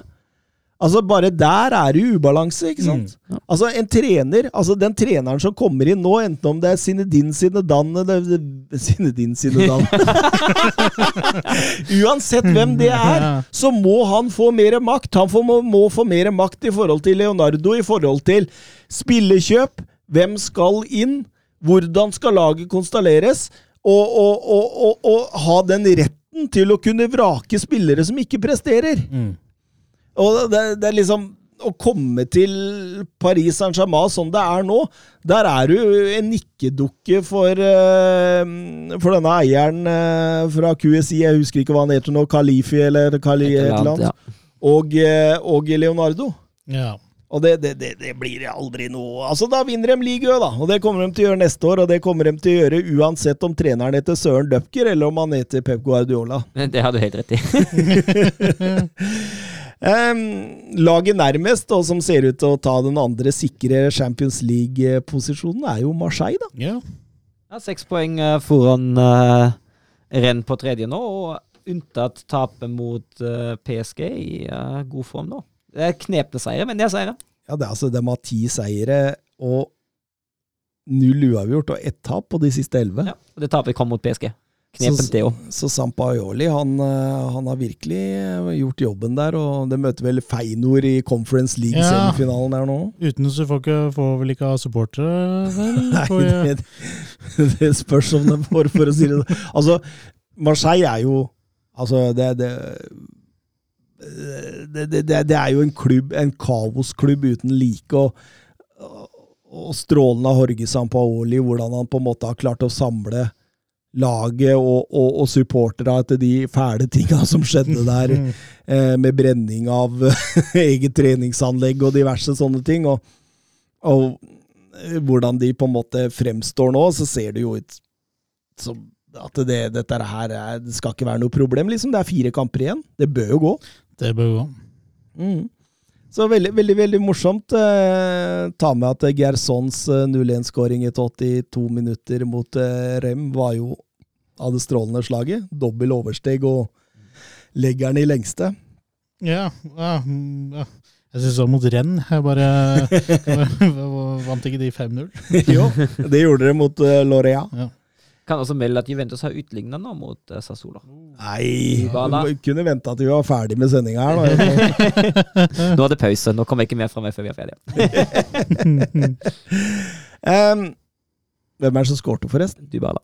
Dybala. Det måtte være Dybala, som drar gratis til sommeren, sannsynligvis, han òg. Ja. Um, vi fikk en god del spørsmål her uh, fra Didrik Tofte Nilsen i forhold til uh, League Ø. Eh, kan begynne med det første. Hva har skjedd med Monaco? Plutselig oppe og kjemper om Europa, jo. Ja, da, de har fått fart på saken. De har seks seire på rad, er det vel nå? Seks reier på rad, ja. Endelig har Clement fått litt eh, stabilitet rundt det. Sleit jo voldsomt under Kovac. Mm. Eh, jeg tror Hva har skjedd? Jeg tror kanskje svaret ligger der, da. Ja, ja men, men det gikk jo tungt under Clement en periode. Men jeg tror det som er mye av årsaken, det er at det, Husker du når han kom inn til, i, i Monaco, så var det et voldsomt kjør med, med kamper. Mm. Fikk ikke jobba veldig mye på treningsfeltet. Nå har han fått litt tid på treningsfeltet, og du ser en mye klarere Clement-stil. Altså, han har fått de, altså Badiashil og Disasi ser ut som midtstopper igjen. Chouameni og Fofana har funnet hverandre igjen på midtbanen. Eh, river og sliter. Ben Jedder og Kevin Folland skårer mål. Golovin, jeg tror det er best jeg har sett han, det som han driver med nå for tida. Og til og med Myron Boadou skårer mål! Så da, da ligger det jo faktisk an til at de fort kan ta tredjeplassen der foran renn, altså. Ja, det er jo A-poeng nå, men formen til Monaco er jo imponerende bra. Mm. Så det, det, det er veldig morsomt og veldig spennende. Jeg, jeg snakka jo Monaco sin sak for å bli nummer to. Husker du det før Ja, det sesongen, jeg, ja. vi satt i harde mottaksstudio der? Jeg, jeg var voldsomt klar på at Monaco ble nummer to dette året, men så har de jo ligget da, og, og, og kjempa på nedre halvdel omtrent en periode der også, men jeg har kommet for fullt nå, så det, det er sterkt. Didrik Tofte Nilsen, hvor viktig er det for NIS å komme seg til Europa denne sesongen? Ja, altså, det, jeg tror ikke det er kjempekrise i NIS om det ikke går. Uh, det er jo selvfølgelig skuffende. Uh, det går jo voldsomt opp og ned uh, med det laget, da. Men ja, altså, det er jo alltid teit å ikke nå sine mål. Men som sagt, jeg tenker jo altså, voldsom krise er det ikke, og klubben går ikke unna av den grunn. Nei, det tror ikke jeg heller. Jeg tror NIS vil være et topp topp top, top topp seks-lag i, i, i, i liga. Uavhengig om det skulle gå til Europa, men det er klart at eh, for, uh, for klubben så, så tror jeg det kan, um, kan gi, gi en boost, det. Det er, det, det er jo Krever. det er også supportere som krever, krever sitt der også, har jeg skjønt. Så Når, når, når det er sagt, da, så tror jeg at, at det er NIS som tar det. Den siste europaplassen. Jeg tror de sa femteplassen. mm. Men, så men har de vel cup, er det cupfinale de spiller mot Nås? De spiller cup mot Nås, er det cupfinalen? mm, ja. Da er det jo én seier unna Europa uansett. Men, men, jeg, men jeg tenker jo at eh, for Galtier, da Han er jo en strateg. Mm. Han har jo en plan. Han har jo satt en treårsplan når han skrev den kontrakta til 2024. Mm. Og du ser jo Man fikk satt litt Galtier-preg i sommer. Eh, Riktignok en del spillere på lån. Har ha my, fortsatt mye å gå på. Har fortsatt noen hull å tette. Eh, Syns han jobber bra på overgangsmarkedet. En sommer til. Jeg, jeg, jeg tror ikke det er krise. Jeg tror dette er prosjekt Ja. man ser på litt med altså litt lengre øyne. Mm. Um, og så spør Didrik Tofte Nilsen hvilket league Ø-lag skal være nærmest PSG i forhold til størrelse og økonomi. Altså Det første som slår meg, er jo Marseille. Med tanke på størrelse. Uh, det er jo en storklubb, og det er også erkerivalen til eh, PSG. Så om de to hadde vært nære, hadde det jo vært uh, fryktelig morsomt, altså sett med nøytrale øyne. Mm. Eh, og det andre som slår meg, er Monaco. Mm. Det er de to, Monaco kanskje mest pga. økonomien. da. Jeg vil nevne Lyon. I den, Ja, eh, og da, da tror jeg vi har nevnt de tre. Ja. Og, og, og marginene der er Ja, det er som Søren sier, kanskje Marseille hakket over de to andre som ligger liksom Mm. sånn rett bak. I hvert fall hvis du tenker på tilskuersnitt, litt sånn fanbase, økonomi og, og, og diverse. Mm. Kall gjerne Marseille Frankrikes SK Brann, altså. Det er ikke Eller er det Bordeaux? Ja, det det er jo kanskje Bordeaux, ja. Men fader, for, det er en- er stor by og et forholdsvis stort lag som bare ikke Tenk, tenk satt et igjen nå, som er, kan være på vei ned. Det er, det er et lag med ti seriemesterskap i ligaen. Altså det, er- det er det PSG kom opp med nå, med Mm. seier nå. Jeg fant ut at Stad eh, Altså Reims, Rem, Reim, Rem Reim. eh, også har jækla mye seriegull. Det har jeg aldri jeg tenkt på, men det er jo back, back, back in the days. Da. Ja, ja. er sant, et igjen nå er jo fra 60-70-tallet, tror jeg. Men, eh, men eh, Ja, nei, det er jo, det er jo spenning i, i, i hvert fall om eh, de plassene bak PSG der, da. Og det er eh, Altså, Metz er ferdig, men eh, og, og kanskje Bordeaux, men så er det den tredje plassen der, da. Ja, Altså, altså, det er jo gøy. Fra tredje til tiendeplass er det ni poeng. Ja. Det er fryktelig morsomt. Ja, det, det, det er jevnt som bare det bak der. Og det, det, det er litt av tegn som vi har snakka om, at de andre laga bak PSG er ustabile. Litt det samme som i Tyskland eh, Ja. bak eh, Bayern Bare på, bare på et litt lavere nivå, syns jeg. Mm. Nei, men det, det var det. Da går vi en liten tur over til Tor Håkon eh, før vi gir oss for dagen. Bra jobba, gutta! Bra ball! Nei! Ah, grei offside. Tor Håkon, den er grei. Tor Håkon! Nei, Tor Håkon, det var din egen skyld. Ikke bli sint for det, i hvert fall. da. Tor Håkon, ikke kjeft på dommeren. Og ikke kjeft på dommeren. Tor Håkon, nå hører du på dommeren. Er hver gang, altså.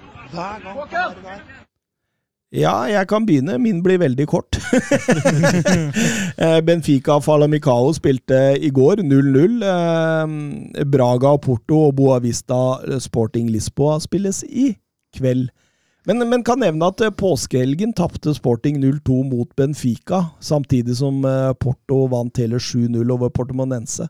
Så uh, ligagullet er for lengst uh, avgjort, og jeg vil uh, tro at Sporting Lisboa har grei kontroll på den andreplassen, men spilles noen kamper i kveld, da, så vi får se. Men det var ikke så mye jeg hadde å komme med. Nei, min blir forholdsvis kort, den òg. Det var Ajax som hadde bortekamp mot NEC Neimeren. Uh, Ajax har Altså, det er ikke da vi har vært Altså, det er ikke da Ajax har vært uh, på høsten. Jeg syns uh, Neimeren holder det sjansemessig jevnt. Altså, det er jo klart uh, som vanlig at uh, Ajax har sittet med 67 possession og har flere skudd, men eh, de, de sjansene Nijmegen Altså, det, det er ikke alt som er en, er en stor sjanse, da, men uh, Få en straffespark. Timber som blir feilt i boksen, og så er det Tadic som faktisk bommer på straffespark. Uh, Brander Horst eh, som uh, redda han og kunne ha tatt ledelsen til pausen, da, men det går med 0-0 i, i andre omgang. Og etter hvert i andre omgang, sånn fra ja, 60-65 ut, så har Nijmegen ikke mye å komme med, men hold deg lenge tett. Ajax får et par-tre sjanser, eh, og så er det Broadway, innbytteren, som setter det avgjørende målet etter 88 minutter. og sikrer Ajax da en eh, 1-0-seieren. Hardt, eh, hardt omkjempet en. Eh, det var litt eh, godt for dem. Eh, for I påskehelgen tapte de cupfinalen eh, mot eh, PSV. Mm. Eh, Etter å ha ledet 1-0, eh, Ravenberg med skåringa da, men eh, tapte 2-1 til slutt. I Eredivisie, fire runder før slutt, er det fortsatt fire poeng ned til eh, PSV, som eh, vant 2-1 borte mot Cambour. Litt kort også, siden Mats ikke er her. Anderlecht tapte 3-1 over Union Sant Guloes. Eh, og eh, det var den første i dette sluttspillet. Eh, de tapte også cupfinalen mot Gent på straffespark, så det, det, det har gått tungt for Ikke en god uke, nei. siste tida. Em, Geir Halvor Kleiva på Twitter. Nå som sesongen går mot slutten, vil jeg gjerne høre fem navn fra dere av spillere og trenere som har skuffet dere mest gjennom denne sesongen. Fem navn på spillere og fem navn på trenere. var det fem navn på altså, hva Sier han òg, eller, og- eller eller? Det er liksom det som Fem av dere skal jeg se, fe, fra hver av Spillere eller trenere, så jeg føler at jeg har én liste med fem. Ja, du man, føler det? Ja, Det er litt vanskelig å samme... Nei, Ja. han sier fem navn fra dere av spillere eller trenere. Eller trenere, Ja, han skriver det. Ja, ok. Ja, men da, da, da, da kjører vi en liste. Skal vi begynne med nummer fem fra hver, hver vårt hold? Da kan vi Ja. begynne med Tor Kjetil først. Lukaku. Ja. Martial. Ja, det Jeg trodde dere skulle fortelle litt om hvorfor jeg skulle dem. Nei Ok. Jeg kommer eh, jo til Premier League, tilbake til Chelsea med store forventninger. Eh, har levert veldig bra Inter. eh, og så er en ting er prestasjonene, men det er mer sånn holdningene til det hele. Selv før det liksom begynte å rakne for, for med eierskap og sånn, at, som skuffer meg, da. Mm. Ja, jeg kunne fint ha tatt med Lukaku, han er ikke i min liste, men eh, jeg har med Marcial fordi Nå var ikke forventningene sånn skyhøye, men jeg føler at det han presterer i Sevilla, var langt, langt langt unna det man kunne forvente da òg. Jeg syns det hele har egentlig bare vært en stor, stor skuffelse, og det i en liga som egentlig bør passe ham bedre. Mm. Jeg satte jo opp en liste av fem spillere og fem trenere, så jeg må sitte og, og jobbe her for eh, Men eh, jeg eh, går da for Max Allegri, jeg da, som trener på femteplass. Eh, Riktignok i en eh, Copa Italia-finale, men har hele veien vært milevis unna Scudettoen, og, og, og topper det med å ryke mot Villarreal i åttendedels eh, i Champions League. Ja.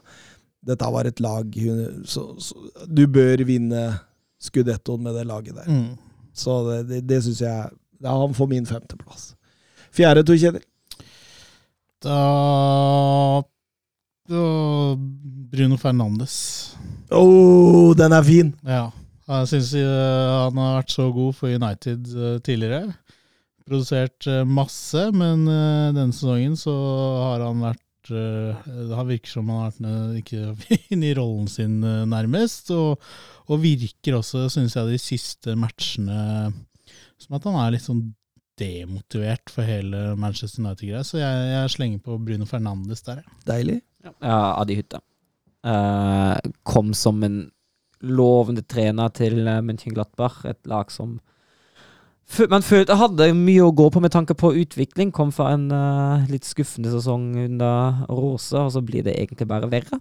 Uh, det var en trener som jeg hadde egentlig sett veldig fram til å ha i München-Glattbach, for de hadde tro på den kombinasjonen. der. Følte at troppen Altså Rås og Hyttas fotball er jo ikke så langt fra hverandre, så at troppen var egentlig godt tilrettelagt for fotballen Hytta har lyst til å spille. Og så blir det bare en enorm skuffelse. Så han Mm. får en, eh, får en fjerdeplass der. Jeg kunne ha nevnt Mathias Ginter også i samme sleng, da, men eh, jeg syns Hyttas ansvar er litt større. Fjerde for meg, Harry Maguire. Jeg syns han har truffet en ny low denne sesongen, altså. Det, altså Han har jo gode kamper iblant, men så kløner han så voldsomt til. Altså Gir bort så mye mål på rett og slett kløneri. Og jeg, jeg tror han tror han er bedre med ballen enn det han er. Altså Han ser ikke begrensningene sine engang. Altså Du ser den tversoveren han har her i, i sist kamp han starta. Det var jo ikke mot Arsenal, for da var han vraka. Og det var jammen på tide. Fordi eh, det er ikke bra, det han leverer for Manchester United for tida. Altså, det, det, det er kaptein, liksom. Ja. Det er, det er skuffende, ass. Ut av Tre, tre. Brennan Rodgers, Leicester. Eh, ser eh, at min liste blir veldig Premier League-tung, da. Men uh, det er jo der jeg også følger mest. Ja. Men Brennan Rodgers kommer nå fra to nesten-kvaliker til, eh, til, til Champions League, hvor det har ryket sånn helt i siste Siste omgang, eh, mens i år så har Leicester vært lenger eh, unna enn det på lenge, og ikke tatt de stegene, så da nevner jeg Brennan Rogers som en, en skuff, skuffelse. Ja. Jeg har Saul Nigas på tre. Uh, kom til Chelsea, skulle virkelig være et alternativ uh, sentralt på midten og føye seg godt inn i den troppen uh, etter gode år i Atletico Madrid, og faller så tvers gjennom som det går an å falle gjennom. Fryktelig, fryktelig skuffende. Hadde større forventninger i ham. Mm. Jeg har Niko Kovac, eh, trener i Monaco. Jeg fikk selvfølgelig sparken, det skulle bare mangle. Har jo starta jo med et lag som på mange måter burde ha fulgt PSG i hvert fall en liten stund på veien. da. Eh, og i hvert fall topp tre. Eh, det var vel på 11. eller 12. eller noe sånt når han fikk sparken, og laget så så energiløst ut at det, det så ikke måte på. Syns jo Philip Clemen viser her hvordan Eller hva som egentlig bor i Monaco-laget, da, og, og sånn sett peker litt nese til Niko Kovac som at han har gjort en ræva jobb i Monaco, altså. Ja. Andreplass? Um, Petter Bosch. Peter Bosch. Der kom Lyon. han, ja. Ja. Mm. Um, det verste er at uh, det virker som han skal fortsette et år til. Det er det verste. Det er så han har uh, et spillemateriale som er mye bedre enn en hvor de ligger i, i liga, og ikke fått ut uh, potensialet i det hele tatt. Ligger på åttendeplass der. Mm. Det burde være en topp tre-klubb, uten tvil. Så- Det er litt Niko Kovac over det. Ja. Jeg er enig i det. Ja. Jeg har Hans-Lacroix, og da kunne jeg ha valgt eh, fem, seks, sju, åtte andre fra Wolfsburg. Men eh, jeg syns fallet til Lacroix den sesongen har vært så påfallende. Så er det en av de som prøver å, å sutre seg bort i sommer. Uh, får beskjed at den må bli, og syns det er greit, da. Men uh, Altså, alt det som på en måte var bra med ham første sesong, er, er litt borte nå. Så får han, klarer han å få tre utvisninger og lage vel tre straffespark uh, i tillegg. og det er ikke godt nok, og jeg føler at uh, forskjellen fra fjorårets sesong, uh, den er høyest hos ham. Jeg kunne som sagt ha valgt mange andre, men han får stå som et, som et symbol for Wolfsburgs fall denne sesongen. Og jeg kunne ha valgt Kofeld òg, men det har jeg ikke hatt noen forventninger, så jeg kunne ikke blitt skuffa. Ja, Alexander Isak er i eh, Real Sociedad. Altså, her har vi eh, superspissen fra Sverige som ble sammenligna med eh, Erling Braut Haaland. Skulle være poengplukkeren i, i Real Sociedad. Eh, spiller for et absolutt topplag i, i, i La Liga, i hvert fall sånn topp seks, topp sju. og og, og presterer fem mål og to assist på 28 kamper. Eh, Feila også med å komme til VM med Sverige, var ikke voldsomt god i de avgjørende kampene der. og Man kan jo huske det straffesparket hans da, hvor han stopper opp så keeperen slenger seg, så, og, og, og, får da selvfølgelig det eh, annullert. Og gult kort isteden. Det er, det er der vi ligger med Alexander Isak da, for tida. Så det, det er forferdelig. Mm. Nummer én. Um, der slenger jeg på Gasperini fra Atalanta. Og det er ikke Oi, fordi Atalanta oi. har vært eh, veldig dårlig, uh, men det er fordi at de har vært så mye Altså, de har hatt så høye forventninger til Atalanta og syns det har vært så gøy å se på dem, men de gangene jeg har sett på dem i år, så, så det er ikke den samme spruten over dem lenger. da, Det, det har skuffa meg litt, så da Det er kanskje slemt å sende, han på ener der, da, men, men eh, jeg, tenkte, jeg tenkte ikke helt uh, prioritert rekkefølge, men, men jeg har vært litt skuffa over det Atalanta har levert i, år, da, som en klubb som har vært gøy å se på, som har blitt mindre, mindre gøy å se på. Det er Gasperini sjøl òg, leste jeg et intervju her. Jeg har faktisk Frank Lampard på én. Eh, og altså, han har arva en del problemer fra Benitez, uten tvil. Uh, men han har klart å dra Benitez dårlige poengsnitt på 1,0 enda lenger ned. Han sitter faktisk med 0,83. Han har, han har ikke utvikla Everton på noen måte i, i en god og riktig retning, uh, som man kunne forvente. Jeg altså, så tenk det fallet da var på en måte Chelseas håp om å kanskje bli en ny Guardiola og alt det der. Og Det var ikke en Lampard-effekt som kom der engang. Og, og så sitter man nå og står med ett bein ved avgrunnen og rett ved stupet og trues med å falle over. Og jeg syns det er fryktelig skuffende. Jeg hadde ikke forventa at han leda Everton til, til å bli et topplag, men at han kanskje fikk stabilisert dem litt, da. Mm, mm. Jeg diskuterte jo med dette med deg før om det. Jeg ville jo ha, heller hatt Benitez, der jeg føler at han har liksom hatt litt mer spenn. Mm. Og at han satt uh, Everton i en dårlig posisjon der. Men Jeg er jo Men- enig i det, men samtidig, altså ja, jeg skjønner hvor du vil hen. Uh, for meg er det Romelo Lukaku. Altså, det er soleklar nummer én for meg. Du blir henta for en trillebår med penger! Altså, ser det jo ikke ut som du, du gidder å spille fotball, altså. altså det, det, det er milevis fra den Lukaku vi så i Inter. Milevis!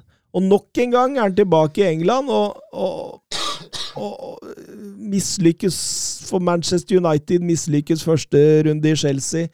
Mislykkes andre runde i Chelsea. Og vi, vi har vel vært litt inne på det at han trenger kanskje å spille for et litt svakere lag, som får litt mer rom i, i, bak i banen. Altså det, han sliter veldig med jeg, jeg trodde han skulle være perfekt, altså. Nei, jeg, for jeg trodde også det. Eh, Ja. Spillestil og Jeg er Det er helt sikker at jeg ikke har tatt med i min liste. Jeg da. Ja, han, han burde hoppe enhver liste, mener jeg. eh, da var vi ferdige, gutta. Ja. Da er det bare å spille outro, så eh, høres vi igjen neste uke. Det gjør vi. Det gjør vi. Ha det Shalabais. Shalabais! Surging forward with real menace here. Brilliant from Messi.